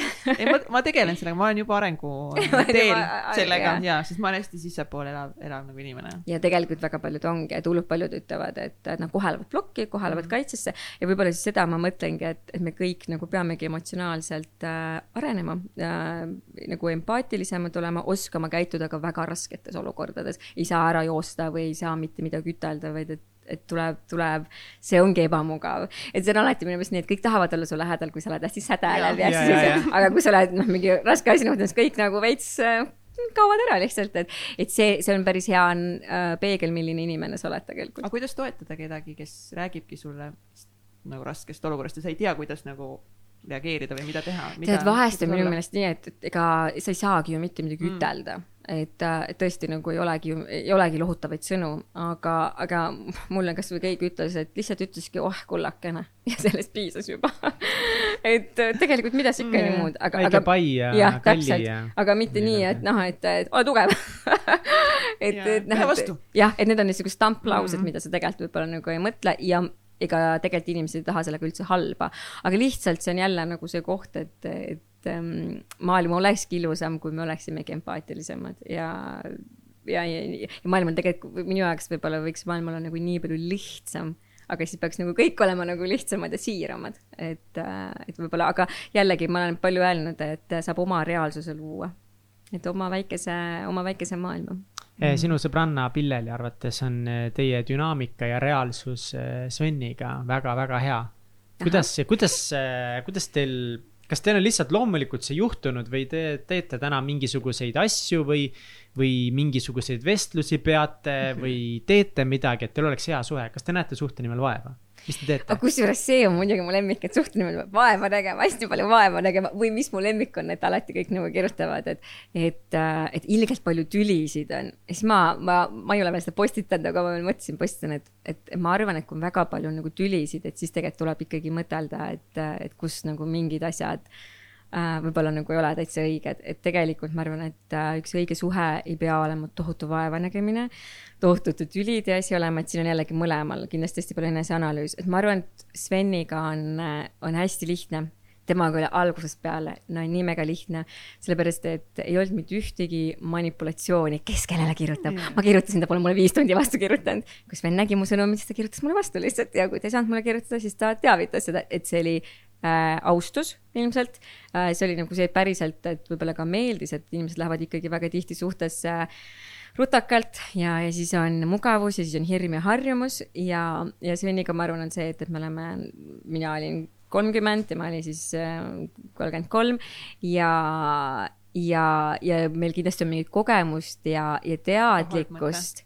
kuidas? nii pime. kaamerast pärast. aa, no sorry inimesed, mis teha, mul on nii pime. kohe juba tuli. ma ei saa rääkida, ma ei näe su nägu varsti enam. ma olen pruun ka, nii et ei ole varsti enam näha siin aga, aga ma, me oleme me oleme mõelnud mõlemad Sveniga, et, et kaks asja on, et mõlemad peavad suhtesse sada protsenti panustama. vot hästi palju, Sven postas just hullult hästi, et, et küsitakse, et palju sa panustad, siis öeldakse viiskümmend, viiskümmend, aga et noh, tegelikult on vastus nii, et mõlemad on sada. mina olen alati öelnud, et alati nagu armasta teist natuke rohkem kui ennast, sest deep down sa ju tead, et sa armastad ennast, aga kui sa armastad teist natuke rohkem kui ennast ja teine armastab ka, siis kõik töötabki ideaalselt, et sa alati nagu paned teise, teise esikohale tegelikult, see on samamoodi, et sa võid olla sõltuv, kui sa tegelikult tead, et sa oled sõltuv sõltumatu. aga kuidas sa, kui sa paned alati teise esikohale, et kuidas sa siis teed Gracefit ja kõiki neid teisi asju, mis sul olulised on? ja kui no, sa paned sada protsenti suhtesse, kuidas sa siis, no, mis sa mujale paned? aga vaata, see saab, see toimib lihtsalt nagu nii kenasti, sellepärast et, et Sven teeb sama, et siis äh, kui ta teab, et mul on mingi väga oluline Gracefiti asi, siis ta ei nõuagi sel hetkel äh, egoistlikult või lapsikult mingit äh, oma aega järsku, onju. pealegi Sven ei ole kunagi selline. siis siis äh, samamoodi, et äh, kui ma teen oma asja, aga ma näen, et äh, Svenil on vaja mingit teksti parandada, siis ma jätan nagu sekundiga selle oma asja pooleli, parandan ära ta teksti ja siis teen enda asja pooleli, mul ei ole seal üldse küsimustki. et see on nagu, see on täiesti, see on täiesti nagu arvestamine, täiesti niisugune dünaamiliselt ja, ja võib-olla nagu mis selle suhtes nagu, miks see on nii loomulik, on see, et Svenil on lihtsalt erakordne tänutunne äh, selle suhte üle. ja see on ka jälle võib-olla nagu tema lapsepõlvest, et tal ei ole ema-isa näiteks olnud ja teda on kasvatanud vanaema ja tal ei ole kunagi olnud võib-olla sellist nagu kodugi ja nüüd me oleme nagu, mina olen ju ka esimest korda inimene, kui meil on nagu kodu ja armastus ja see soojus. ja ta on iga hommik tänulik, tal oli, ta oli haige mingi hetk, et ta on iga äh, hommik tänulik, et tal üldse on tervis, et tal on oma ettevõte tal on mina. ja ta, ja, ja ta on nagu päriselt päriselt nagu nii tänulik, et, et ta ei tegele, võib-olla, et ta on nagu hea näide sellest, sellisest inimesest, et ta ei tegele mingite kõrvaliste teemadega. ma tean, et ta ei mõtlegi isegi nende asjade peale, mille peale võib-olla on nagu, kui sul on kõik jube mugav olnud, võib-olla siis sa nagu kogu aeg mõtled või sa pole üldse nagu rahul. et see on sihuke hästi, hästi-hästi teadlik ja, ja ma olen palju mõelnud ka see, et kuidas nagu omavahel inimesed räägivad, et ma vahest sõidan bussiga, siis ma ma saan täpselt aru, kui inimene räägib oma sõbraga, siis ta räägib hästi kenasti ja siis, kui ta hakkab kaaslasega rääkima, siis no mis tahad sihuke veits selline nagu kärsitus tuleb, onju. et millegipärast me nagu arvame, et oma lähedastega me võime kõige halvemini käituda. et, et noh, et, et see on, võtab vastu telefoni sajaprotsendiliselt jaa, kallis, nagu mitte kunagi võtta vist nagu teistmoodi.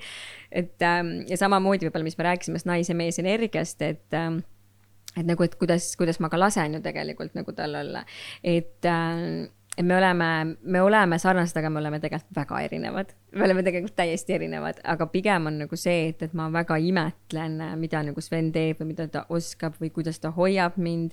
ja ma arvan, et tema lihtsalt imetleb väga palju nagu mind, minu mingeid jooni, me päris palju nagu täiendame. aga mingil määral me oleme täiesti, täiesti, täiesti erinevad, et Sven on ikkagi pigem väga kinnine ja, ja näiteks ja meil on hästi paigas ka, näiteks kõik, kui me lähme välja date'id, need on kõik minu organiseerida ja mul ei ole üldse mõtet hakatagi lootma, et ta tuleb siin lilledega. aga see on okei okay., kas, kas sa vaata, saad siis tunda ennast selle printsessina? siin ongi see koht, et äh, see on minu aktsepteerida, on ju, et ma võiksin nüüd iga kord teha põhimõtteliselt skandaali ja ütelda, et sa üldse ei tee. ja siis mingi hetk ma mõtlesin, et mm, -mm, et seal pole mitte mingit nagu mõtet, et, et, et nii hea on ja milline ta on. ja siis ma näiteks ütlengi, et äh, meil on sel hetkel date või et mul on nüüd pesu seljas, ma olen voodis, tule. et, et ja reaalselt ja seal ei ole mitte mingit nagu probleemi, sellest oleks probleem, kui ma ei nõustuks või näiteks mulle meeldib hullult käia kunstinäitustel, kui me oleme välismaal ja siis me oleme Sveniga diil, et pool aega ta käib kaasas minuga, pool aega ta võib telefonis olla see on fine. aga miks sa oled fine sellega, miks sa oled sellega fine, et sina paned pesu selga, oled magamist juba tümme on valmis, miks sa oled fine sellega, et sina korraldad kõik date'id? vaata, aga see ongi ilmselt see, et, et mul ei, et mul tegelikult, mul ei ole nagu mingit puudujääki ja ma ei, ma ei arva, et nagu sa pead tegema seda, ma, võib-olla see mm, Pilleliga me oleme päris palju rääkinud sellest nagu puudujäägist, et me kogu aeg kompenseerime kas mingite asjade või teistega, et tegelikult sa ju ise tunned ennast, et sa oled nagu nii-öelda nagu täidetud, sa oled nagu rahul.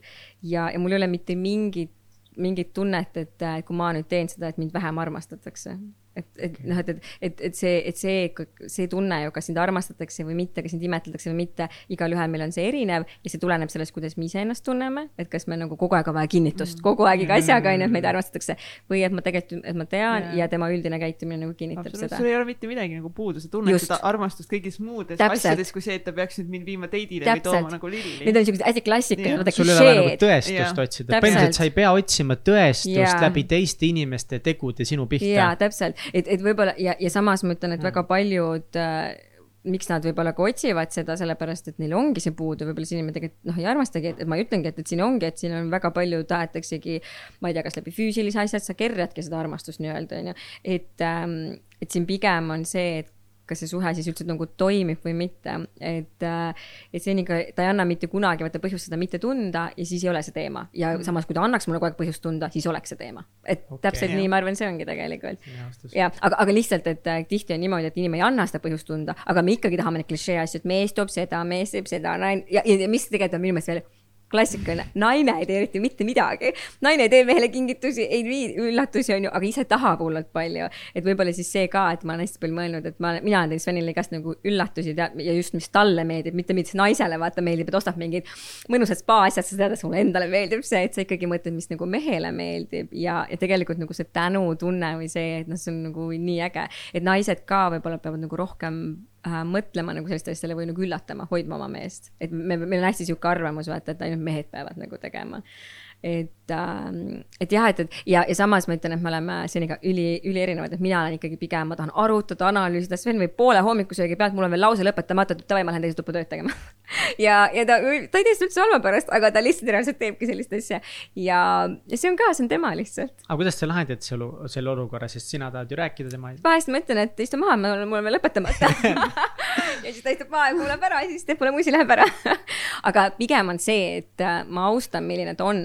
Ja, ja ütleme niimoodi, et kui mul on võib-olla mingeid asju, mida ma tahan arutada, siis ma arutangi Pilleliga. et noh, et, et, et võib-olla on ka see, et, et sa pead austama, aktsepteerima, milline see inimene on, et, et meil on oma dünaamika, meil on oma asi ja oma lähedus. Ja, ja sa ei, ja vaata, see on ka, et sa tahad ühelt inimeselt kõike nagu, nagu terve külalt, on ju, ta peab olema sulle kõik. et noh, tegelikult see ei, ei ole vajalik ja tegelikult ma arvan, et see ei ole vajalikki, et meil on ju teisi inimesi ka, et ja lõpuks on nii, et võib-olla sul ei olegi kogu aeg nii palju vaja teiselt vot. jah. jah. mõtlen, kas ma vastasin su küsimusele ära või? väga, väga, väga hästi, väga hästi uh. uh. paneb mõtlema. Need meie vaikuseminutid. vaikuseminutid, kõik saavad nüüd üle mõelda vaadata oma suhted, ise, suhe iseendaga, suhe oma kaaslasega, nüüd on see hetk. Kõik hakkab ja, ikkagi suhtest iseendaga. üks asi on veel hullult hea, mis ma olen mõelnud, et, et kui sa kogu aeg räägid oma kaaslase kohta halvasti, et siis mõtle, mida see sinu kohta ütleb ja, ja see oli, see oli üks nii hea lause, mis sellel äh, naistekonverentsil, kus ma olin Dubais. et siis äh, noh, seal kõik nagu rääkisid, et ilgelt halb mees ja, ja üldse ka vaata, kui me käime seltskonnas tegelikult, kui palju te kuulete, et kõik räägivad oma kaaslasest halvasti, kas naljaga või mitte, aga natukene nagu on see nagu trend. et siis, et siis võib-olla seda ka seda ka jah, võib lihtsalt nagu.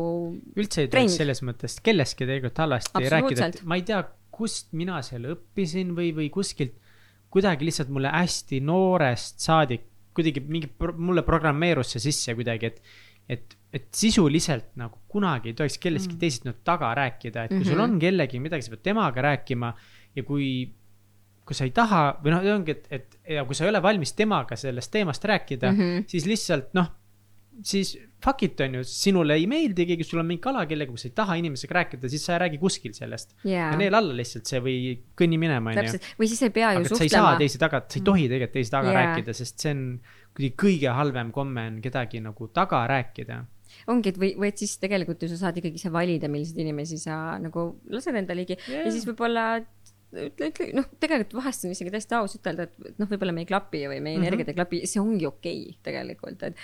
et äh, võib-olla vaata see, et, et meil peab olema nii palju inimesi ümber, et, et seda vajadust tegelikult ka, et noh, nagu kogu aeg, et seda ei peagi olema nii palju ja, ja, ja noh, üldse see, et me, me ei peagi kõigile ka meeldima, aga, aga nagu armastusega võib-olla siis seda, et see ei pea nagu ülbe olema siis sellepärast. et see selline ei ütlemine võib ka olla nagu kenasti, et võib-olla inimesed nagu mõtlevad, et ei tohi kunagi ei ütelda. et ja siis halvasti öeldakse ei veel hästi ebaviisakalt, et ütle armastusega ei lihtsalt, et, et jah. kuidas öelda armastusega ei näiteks kellelegi nagu noh, keda sa ei taha rohkem enda ellu, sa tunnedki, et mm -hmm. mingid energiat ei klapi, kuidas sa ilusti nagu ütled? aga noh, üld, üld, üld, üld, üldiselt jah, nii ei saa, et palun lahku nüüd mu elust tegin ukse lahti, aga, aga tegelikult ju noh, üldse mis iganes viisil on ju, et kui sa pead kohtuma või, või ütledki noh, et mingit koostööd, et praegu need ei sobi ja nii edasi, et üldiselt ikkagi inimesed ju ka tunnetavad ja mm. mõistavad, et see ei pea olema kuidagi nagu nii ebaviisakas, aga võib-olla mida kõige rohkem tehakse, et tehakse ikkagi neid koostööd, kogu aeg saadakse kokku, ollakse ja hullult kirutakse. et, et noh, siis ma saan aru jah, kui sul ei ole mingit valikut ja nii edasi, aga siis ka võib-olla peab isegi nagu rääkima, et kuule, meil on mingi nagu konflikt. kindlalt peab rääkima. just mm.. minu kogemus on olnud see kuidagi, et nagu need inimesed, et see kindlasti alati see ei toimi, aga minu puhul see on kuidagi läinud nii, et et põhimõtteliselt nagu lihtsalt ei püüa nendega väga kontakti enam ja kuidagi ise nagu need teed lähevad lahku täpselt, ka samas. minu jaoks vähemalt alati niimoodi on need inimesed, kellega ma ei tunne otsest mm -hmm. mingit nagu noh, sest mingi hetk ma, ma üldiselt, üldiselt ma tahan palju sõpru endale mm, -hmm. sest mul on väga palju inimesi tutvusringkonnas, kellest ma pean lugu, kes mulle meeldivad mm. -hmm. ja enamasti ma tunnen seda, et kurat, ma ei veeda piisavalt palju aega nende inimeste juures yeah,, ma tahaks yeah. rohkem mm. -hmm. aga on kindlasti mingid inimesed, kellest mul on nagu savi. absoluutselt. ja see ongi normaalne, mingi Nagu ja vaata jälle nagu nende, inimestega ka, et, et, et tegelikult sa ei suudagi kõigile anda oma seda, et sul ikkagi sa pead valima nagu need, kes on päriselt su lähedased. Ja ma olen olnud mõelda, et ma tahaks, et mul oleks nagu need sõbrad, kes on nagu päriselt mu nagu pere või nagu sõbrad, et, et noh, et ma olen ka aru saanud, et tegelikult see ringkond saabki vä-, vä-, noh, väike olla ja ülejäänud tegelikult saavad just tuttavad põhimõtteliselt mm -hmm. olla, et, et see on ka, lõpuks on nii, et sul ei olegi muidu neid päris sõpru, et, et mul on näiteks üks sõber olnud äh,, Fred, ta on minust äh, seitse seitse koma viis aastat vanem ja me oleme rääkinud temaga Whatsappis või Messengeris iga päev seitse aastat. et, et ta on reaalselt nagu päriselt kogu aeg, mis teed, mis teed, mis nüüd teed, et ja ta teab nagu kõike mu kõige halvemaid, valusamaid asju, kõige õnnelikumaid asju, et ja siis see on nagu minu jaoks nagu väga päris sõprus, et, et sa kogu aeg ja sa ja samas sa ei jõua ju olla kogu aeg kõigile kohal, et jälle seesama fookus tegelikult täpselt sama mm., jah. Uh, Uh, jaa. kell hakkab sinnamaale jõudma oota, võta korra vii-, hästi kiiresti ühe teema vabalt. viimast teema, et on näiteks täitsa pekis saade onju, et ongi, et kui nüüd eh, kellelgi on elus praegu nagu väga raske olukord, tema jaoks raske olukord onju mm -hmm., ükskõik mis tasandil see on, et kuidas siis tulla sellest olukorrast nagu välja, kui sa tunnedki, et nagu fuck, kõik on pekkis, nagu mu elus on kõik pekkis mm. -hmm. mis sa soovitaks nagu, kust alustada, mida, mida teha, kui ma tunnen lihtsalt nagu noh, nüüd on kõik. No ma arvan, et mina saan soovitada seda, mis on ju minu enda kogemuse pealt. Ja, ja, ja ma võin ütelda, et loomulikult seda, seda tunnet, seda tunnet tulebki. Ja kõigepealt ma ütleksin, et sellel tundel peab isegi laskma olla, et äh, see, et vaat sa põgened ära, see tunne tuleb järgi sulle. Et sellest, ma olen viimasel ajal isegi mõelnud, et ma istun, istun, istun ja nagu kükitan läbi selle tunde, vahepeal tahavad pisarad tulla, siis ma nagu punnitan välja niimoodi, et nagu noh, punnitadki. Mitte võib-olla nii nagu vetsus, Mihkel vaatab praegu meid sellise näoga. aga ma lihtsalt nii kaua olen ma teen lihtsalt trenni tegelikult ka, kus ma karjun, ma nüüd kõik, kõik peavad karjuma minuga. ja siis me karjume Goldenis ka hästi kõva häälega nagu haa, lihtsalt täie kõriga. ja, ja siis ka lihtsalt, sa vabastaksid ja see tunne tuleks välja ja siis ma lihtsalt ka, ma lihtsalt ootan, kuni ma justkui nagu ära nutaks, hakkab nagu kergem, et, et läbi nende tunnete, et vahest ei olegi nagu mõtet äh, hullult äh, vastu minna, et lähed ja lamadki võib-olla, tunnedki füüsiliselt maas, ma ei tea, kolmkümmend minutit ja, ja sul aga, sul nagu natukene hakkab kergem. ja, ja nagu peab aru andma võib-olla ka seda, et ei ole ajalist ajalist nagu mingit äh, termini või tä, nagu mingit tähtaega, et äh,, et see saab nüüd sellel ajal läbi, et kui sa võib-olla ka sellest ootustest nagu lased lahti. mul oli tegelikult kunagi isegi nii, et äh, mm, seoses nagu vanusega, et kogu aeg ma tundsin, et mul on nagu mingine pinge, et ma olin kakskümmend kolm kõige eelsam lapsi, ma olin kakskümmend viis kõige eelsam lapsi, kakskümmend kaheksa, kolmkümmend, kolmkümmend kaks, siis ma mõtlesin, et see on ju igavene lõputu ja siis ma mingi mõtlesin, et ma lasen täiesti lahti oma vanusest ja ma saan need lapsed siis, kui ma saan. et, et seesama ja, jah ja no just, eks ole, ja, siis ma sain ka aru, et vahet ei ole, kas sa oled kolmkümmend kaks või sa oled kakskümmend, kakskümmend kolm, niikuinii kõik ju arvavad, et sa pead kogu aeg lapsi saama. et, et võib-olla siis seesama nagu selle valus olemisest, et ähm, tuleb, tuleb aega anda, aga, ja tuleb anda aega ka muide seda, et sa lihtsalt oled ja oledki teki all ja haletsad ennast, aga siis tuleb tegelikult tasapisi ennast hakata kokku korjama. ja kõik need harjumused võib-olla, mida ma siis õpetan ka programmis ja mida ma ise teen, et neid on väga hea teha heal ajal, aga heal ajal suudavad kõik neid teha, kui sa oled baalil puhkusel kaks nädalat retriidil, loomulikult sa teed seda. aga tegelikult halval ajal tulevad need sulle ülipalju kasuks, need tööriistakesed, sa lähed oma kastikese juurde, avad selle ja võtad oma tööriistakesed, siis on sul palju kergem. Ja ka nagu halval ajal, minul on olnud ka aegasid, kus ma, ma reaalselt mõtlesin, et ma, ma ei tule voodist ülesse. siis natukene haletsed ennast seal ja siis sa hakkad leidma, mis sul teeb veidikenegi paremaks, et minu jaoks on alati aidanud liikumine, ma isegi teen niimoodi, et äh, ma vast tahan, olen hullult ärritunud kellegi peale ja siis ma mõtlen, et ma ei vasta enne, ma rullin mati lahti, veits higistan seal, hingan, puhin, ähin ja ma vastan hoopis teistmoodi, sest tegelikult su ajukeemia on juba muutunud, su reaalselt see füüsiline tunne on täiesti teine ju.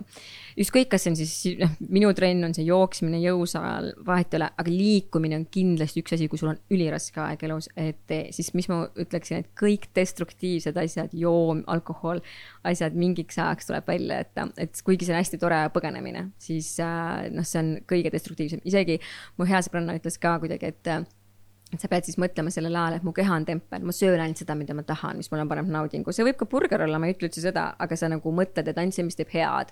see self-care on nagu hästi-hästi-hästi oluline, et, et, et sa võtad endale päriselt seda aega ja sa pead ikkagi leidma mingid, kasvõi see, mis ma ütlesin, et kõik tundub võib-olla nii hirmus, aga siis sa lähed ja vaatad seda, et päike tõuseb ja sa vaatad, et okei okay,, midagi on ilusat. ma just mõtlesin, kui ma sõitsin siia, siis ma mõtlesin, et et, et äh, mul on ka hetki, kus ma mõtlen, et noh, et nii raske on või nagu nii kurb on ja siis ma loen näiteks mõne oma naise mingit kirja ja siis hakkasin täna täitsa naerma lihtsalt, sest see oli lihtsalt nii naljakas ja nii ilus. ja siis sa mõtled, et see on see, mille pärast ikkagi elus nagu tasub tasub elada või et tasub, et mis su see missioon on.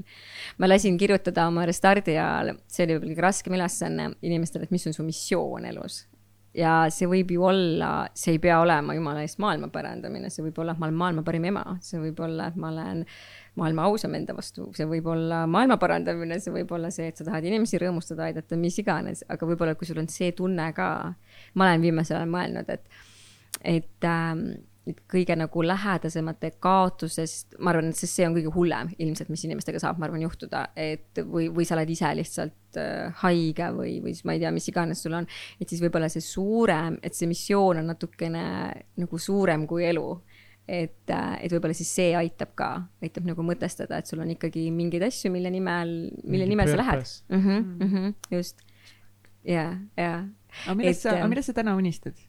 Mis on sinu, mis on sinu unistused? issand äh,, väga praktiline, ma saaks oma naiselikult vormi, mis on selle hormoonide tsükli põhjal valmis ja lõpuks ometi välja panna, see on mu praegu lähiaja kõige suurem unistus. siis, et ma saaksin oma Gracefiti päeva üksteist oktoober kenasti ära teha, sest et meil on üle saja inimese lihtsalt kirja pannud äh,. ma unistan, millest ma veel unistan ähm,? ma unistan tegelikult, ma arvan ka sellest, et äh, et oleks selline hea, õnnelik ja rahutunne südames. et äh, mul on, aga kuna, kuna lihtsalt mina kaotasin oma emme just, et siis äh, noh, siis, siis see on ju väga keeruline, keeruline aeg. ja, ja võib-olla nagu unistad nagu sellest, et ähm,, et jälle tuleks vaata see siiras, see, et oh, nii hea on olla. et võib-olla ma ütleski teistele, et, äh, et väga paljudel tegelikult on kõik väga hästi ja mõtle ja teadvusta seda, et sul on nagu väga hästi, ma mõtlen ka tagasi mõtlen, et aastaga tagasi, et tegelikult oli nagu ju kõik nagu tükid koos, et nüüd sa pead õppima seda uuesti elama ja sa pead ikka, igas päevas on väga palju kurbust, aga sa pead igas päevas leidma helgust, sest et sinule on antud elu. et see on, see on valik, see on valik, kui sa valid, et sa ei taha enam elada, siis noh, see on, see on ka valik, aga see on väga kurb valik. aga, aga isegi praegu, isegi praegu ma pean nagu leidma, et ähm,, et võib-olla ka sellest tegelikult natukene, aga, aga võib-olla ei olegi vaja sellest unistada, et võib-olla, võib-olla tuleb lihtsalt aktsepteerida. vot ma pean lihtsalt seda podcast'i, ma arvan, mitu korda pärast üle kuulama, et, ma praegu, ma, ma olen, ma olen nii mõttes nagu sellega, mida sa räägid ja, ja juba nagu natukese rändasin tegelikult ära kuskil oma maailmasse veidi, sest tekivad kohe need no muidugi. Need, need puutepunktid, et kus mina täna olen ja, ja okei okay, mm., mida see tähendab mm.. muidugi, muidugi mm.. ja ma loodan kas..., et tekibki inimestel see. kas me mm. hakkame välgutama või? hakkame jaa nii huvitav nagu ongi, et lihtsalt nagu lihtsalt selle podcast'i tegemine on lihtsalt nagu noh, kõige lahedam asi, mis ma ever teinud olen ja nagu noh, ma olen nii tänulik selle eest, et me seda teeme. ja lihtsalt nagu nii lahe ongi, et nagu ja kuidas nagu need külalised, kes tulevad, on kuidagi nagu minu jaoks kuidagi nii õigel ajal või kuidagi nagu just, just need mm. nagu viimati mm -hmm. nagu kogu see, et Katre Kulbak käis, on ju, nüüd me seda seminari koos teeme, et me oleme väga headeks mm, -hmm. on ju, sõbrannadeks saanud ja, ja või see, et sina tulid ja kuidagi see Gracefiti teema, ma tunnen, et see on täpselt see, mida ma vajan mm -hmm. ja kuidagi nagu noh, ma ei tea, asjad lihtsalt praegu nagu hakkavad nagu juhtuma. aga, aga võib-olla on vaata ka see, et, et te tunnetate, et noh, et tegelikult te ju valite neid inimesi, keda te tunnetate, lihtsalt noh, võiks olla järsku on ju, et, et selles mõttes ikkagi vaadata isiklikult, et et ilmselt teile ka kirjutatakse võib-olla, et keda võiks olla, ma ei tea, kas te, ma ei tea, kas te kuulete. sind soovitati, sind soovitati väga palju. issand, oi, kõigi, kõigile ja. väga armas, kes äkki, soovitasid. äkki üldse kõigepealt esimene kontakt, ma arvan, sinuga nagu meie jaoks oligi see, et kunagi päris ammu juba tuli soovitusi sinu kohta. jah ja., ma ütlen siis, ma ütlen siis kõigile ja kusjuures see on ka, ma arvan, minu jaoks, et, et ma olen, ma olen nagu väga alandlikult heas mõttes tänulik kui keegi tahab kuulda või kui kedagi aitab äh, minu lugu või minu kogemus või need võib-olla siis, mis minu enda mannatarkused on läbi elanud ja mida me seal kõik teeme. et, ähm, et see on, et see, seda võib-olla nagu alati peab, et, et nagu päris hoolimine, päris armastus peab olema oma inimeste vastu mm. -hmm. aga ma olen väga tänulik, et te kutsusite mind jah, aga see just ka, et, et nagu iga inimene tuleb nagu kuidagi õigel ajal, vaata Johan Urb ka nagu me aasta aega ajasime teda taga, vaata. me ei saanud temaga ühendust, me ei saanud teda kätte, onju. ja noh, nüüd ta käis ja nüüd ta tuli ja kuidagi nagu ongi nagu noh, et need asjad juhtuvad täpselt siis nagu õigel ajal. et sa ei pea nagu push ima. just, nagu just. Ma olen mõelnud, et, et ähm,, et elu peab usaldama ja mingi hetk sa ei saa ainult nagu usaldada, aga ma jõudsin nagu mingil sellisel asjal, et, et päris vabastav on, kui sa mõtled, et sa alistud elule. Et on nii nagu on. Ja, ja see võib-olla nagu annab ka nagu hästi suure nagu vabaduse ja siis, ja siis tulevadki asjad, asjad nii nagu nad peavad tulema. See alistamine, alistumine mm -hmm. elule tundub mulle hetkel väga hirmus mis on hullem, mis juhtuda saab? elu, elu raputab vaata sind kuidagi lihtsalt ja nagu jah. see annab nagu rahu. jah -hmm., vot ongi nagu, aga see, ma ei tea, see, see rahu jaa, aga kuidagi lihtsalt nagu kuidagi jah, nagu ma ei oska üldse seletada praegu mm -hmm. mõtteid, kuidas, kuidas ma tunnen selle alistumise eluga. et ikkagi on nagu kramplikult mingi ja, ja, tunne, et, et sina pead juhtima ja seda ja visiooni ja kõik, et ja mis siis saab, kui ma alistun, äkki ei saa midagi. aga tead, ma arvan, et see on, mina tegelikult, ma nõustun, et, et tegelikult peadki suunama, kontrollima ise, aga, aga, aga ütleme niimoodi, et äh, on asju, noh, millega sa ei saa vaata nagu midagi teha, et siis on ka nagu, et siis, siis sel hetkel nagu on õige ka seda nagu alistuda, aga muidu ma väga usun, et ei ole nii, et ma lihtsalt muudkui ootan ja usaldan seda elu, las ta tuleb, et äh, ikka täpselt see, ikka tuleb ise tegutseda, tegutseda. ja, ja, ja absoluutselt. Mm -hmm.. okei okay,, meil ei jäänud midagi muud enam peamist värkküsimust juurde. Minema, sest eh, Charlil on varsti uneaeg nagu absoluutselt me, me oleme kaks tundi juba vestelnud, et absoluutselt, mul hakkab tõesti juba see õhturituaal. et kell on pool kaheksa õhtul, et kõik ja, aru saaksid, mida salvestame. ma hakkan juba kreemitama ennast ja hakkan juba nagu teed rahulikult jälle jooma ja eh, kas sul on eh, olulisi rutiine või harjumusi, mida sa teed igapäevaselt või iganädalaselt mm? -hmm. igapäevaselt, ma ärkan üles praegu vara. Eh, ma ärkan üldiselt üles viis kakskümmend. Siis ma joon kuuma või toasooja ingveri või sidrunivett, siis ma alati hingan ehk siis mediteerin. Äh,. siis ma lähen ujuma praegu, kui ma ujuma enam ei lähe, siis ma teen hommikusirutust, siis ma kirjutan alati päevikut. Ja seejärel seejärel üldiselt ma võtan oma arvuti lahti ja teen kõige olulisemaid asju ära. Need on, need asjad on, mis ma iga päev teen ja tegelikult üks asi veel. ma joon iga päev smuutit ühe toidukorrana, absoluutselt iga päev, kui keegi tahab, et mõtelda, kuidas olla heas vormis. see on see kindlasti see üks saladus. kui pikk sul see hommikurutiin ajaliselt äh,? mul läheb täiega palju aega, ma olen, mul läheb tõesti, ma olen hästi aeglane ka, aga Sven just ütles ka, et issand jumal, et tal on nagu mingi kaks tundi seal toimetab ja loeb ja nii edasi. ma saaks ju teha ka lühemalt, aga võib-olla ongi see, et minul on praegu võimalus, kuna meil ei ole veel lapsi Sveniga, siis me saame seda teha. ma teen, ma arvan, tund, tund või poolteist tundi võib-olla. kas on üldse kaua? jah, võib-olla tõesti võib-olla tõesti. ma mõtlesin, et tuleb siin mingi neli tundi ja, ja.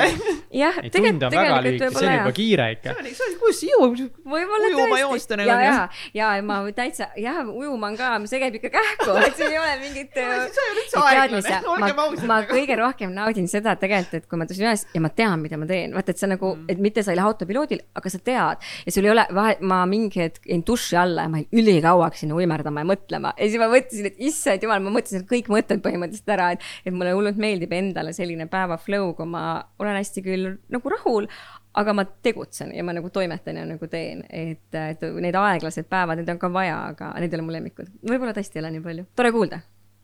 milles sa väga hea ei ole mm,? milles ma väga hea ei ole, ma ei ole üldse hea söögi tegemises, aga õnneks Sven on kokaks õppinud. ma vihkan poes käimist, ei ole üldse hea uh,. ma ei ole hea, issand, ma ei ole väga paljudes asjades üldse hea, ma arvan, jumal, jumal väga, väga, väga paljudes asjades uh,. mõtlen, noh ma ei, ma ei tea, võite, võite mulle veel küsida, küsida, küsige täpsemalt, millest veel ei, sa vastasid täpselt, see, täpselt see, mis tuli, oli õige ja. vastus. Mm, mille üle sa oled kõige uhkem oma elus mm.?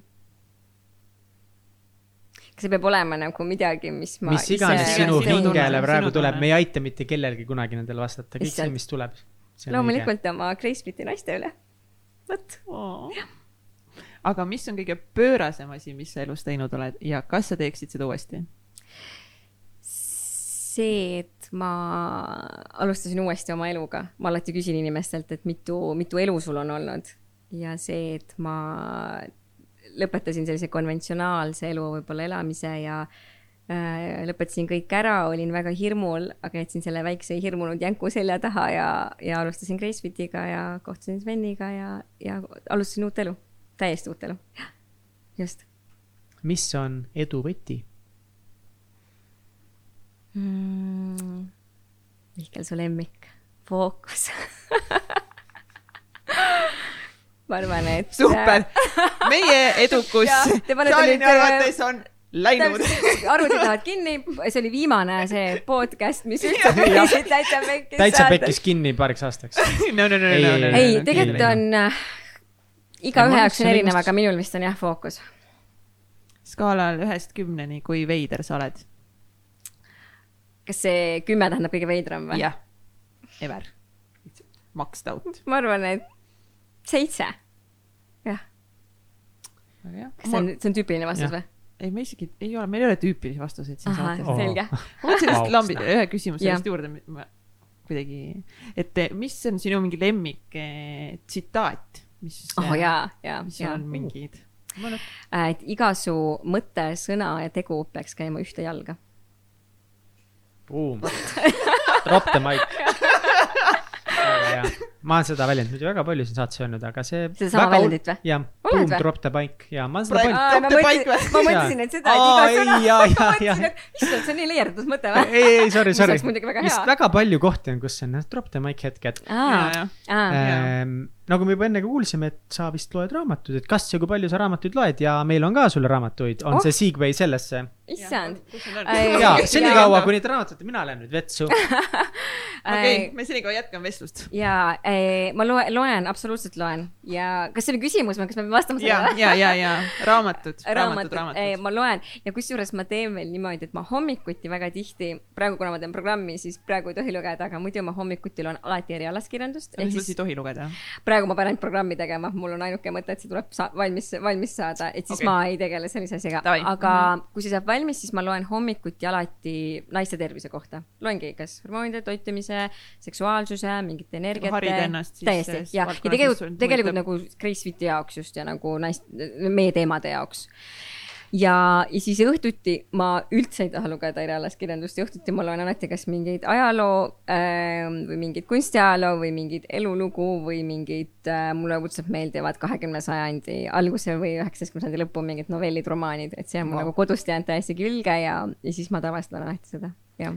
mis sa tunned veel mingid raamatud, mis on nagu kõige rohkem sinu elu mõjutanud ja mida sa soovitaksid teistel ka lugeda? no seesama, mis tegelikult Mihkel ütles, et mida ma soovitaks teistele kindlasti on see naiseks olemise kunst, et see on naistele siis, meestele ka muidugi, absoluutselt. ja, ja, ja, ja mida ma tegelikult soovitaks, ma soovitakski lugeda täiesti, võtke uuesti kaheteistkümnenda klassi see kohustuslik kirjandus ette ja tuleks neid raamatuid lugeda, et ma neid tegelikult soovitaks. ja mulle hu- hullult, hullult meeldis ja ma arvan, et see mõjutas ka mind päris palju, oli see Susan Cain'i äh, Vaikne jõud või, ma arvan, et see on The Power of Introverts on inglise keeles, see oli väga ilus raamat ja kuna eestlased arvavad, et Eesti on üldse introvertide kaitseala, nagu Mikita ütleb, siis ja muide Valdur Mikita raamatuid ka ma väga soovitaks tõesti lugeda, et, et siis ma arvan, väga paljud tunnevad ennast ära, et äh, just selle introvertsuse ja öeldakse, et äh, hästi paljud on need äh, äh, pseudo äh, pseudo vist ekstraverdid ja kapi introverdid või kapi, kapi introverdid jah, vot, et selle, selle teemal ma arvan, päris paljud tunnetavad ära. ja no just, see on mina, nii, ühesõnaga. issand, ma saan nii palju raamatuid või? ei, see on, see on, see on kõik, see on pettus, sa nii palju raamatuid ei saa, selles mõttes, et sa saad valida. aa, aga ma, issand, kui tore. Võtame nii palju. ja kui neist ükski sobis, võtame järgmised. ma arvan, et ma nii äh, piki ei ole loodetavasti. ühesõnaga, siit sa saad siis valida endale ühe raamatu kingituseks, mis praegu tundub sulle, et eh, võiks kõnetada. Viljar Mindseti poolt siis eh, Müü ise või müüakse sulle mm. -hmm. esimene valik. kas ma pean selle praegu välja valima või? ma panen need siia siis ja siis sa pead valima jah. ahah, et kõik saaks teada, mida ma valisin, onju. mõistujutt torujuht, torujuhtmest. ma esimest korda näen seda raamatut, sorry, sellepärast ma lihtsalt olen nagu mingi, mida, millal ma lihtsalt ei uus see oli. Mihkli enda see öökapi kirjandus. Hall Erlodi Imede valem. seda ma ei teagi. see räägib siin töökoha illusioonist, see t- toru, mõistujutt torumehest, kuidas ehitada endale tänapäeva majandustingimustes püsisissetulekut tootev torujuhe. ehk siis nagu rahas, kuidas panna raha põhimõtteliselt enda jaoks tööle. ma seda ei võta äh,. Ma seda ei võta. Mel Robinsi viie sekundi reegel, seda see ma on mega hea, raamat. ja seda ma olen lugenud ja seda ma tahan programmis ka soovitada, et kõik, kes ei taha hommikul üles tulla, siis, siis see aitab väga palju. Nutikaks, terveks ja rikkaks. Mul on tunne, et, et võib-olla ma võtan selle imede valem hoopiski, see niimoodi vaatab mulle otsa vaatab otsa jah mm. -hmm. ma ei ole, ma ei tea sellest mitte midagi okay., ma ei tea ka Imede hommikust midagi, kuigi meil on see raamat minu meelest. aga ma võtan vist selle, kas te tahate kommenteerida mulle seda või? ei, ma juba näen siin vankumatu usk ja erakordne pingutus. absoluutselt. kõlab nagu täpselt. oota, kus meie, räägid uuesti, kus meie kuulajad saavad Aitäh. sinu tegemistel silma peal hoida? äh,. väga kerge äh,, gracefit.ee sealt ja, ja praegu saab veel Facebooki gruppi ka praegu saab veel Facebooki gruppi ka tulla liikmeks. enam ei saa, meil läheb see saade tegelikult, mina sa see kinni panen, meil läheb see saade eetrisse. no ma veel võib-olla kohe ei pane, et kes ikka tahab, siis, siis äh, tasub see liikmetaotlus lihtsalt teha. Ja see Facebookis ka lihtsalt grupp ongi Gracefiti grupp, et ei ole mitte midagi muud. Ja, ja täpselt niimoodi saabki.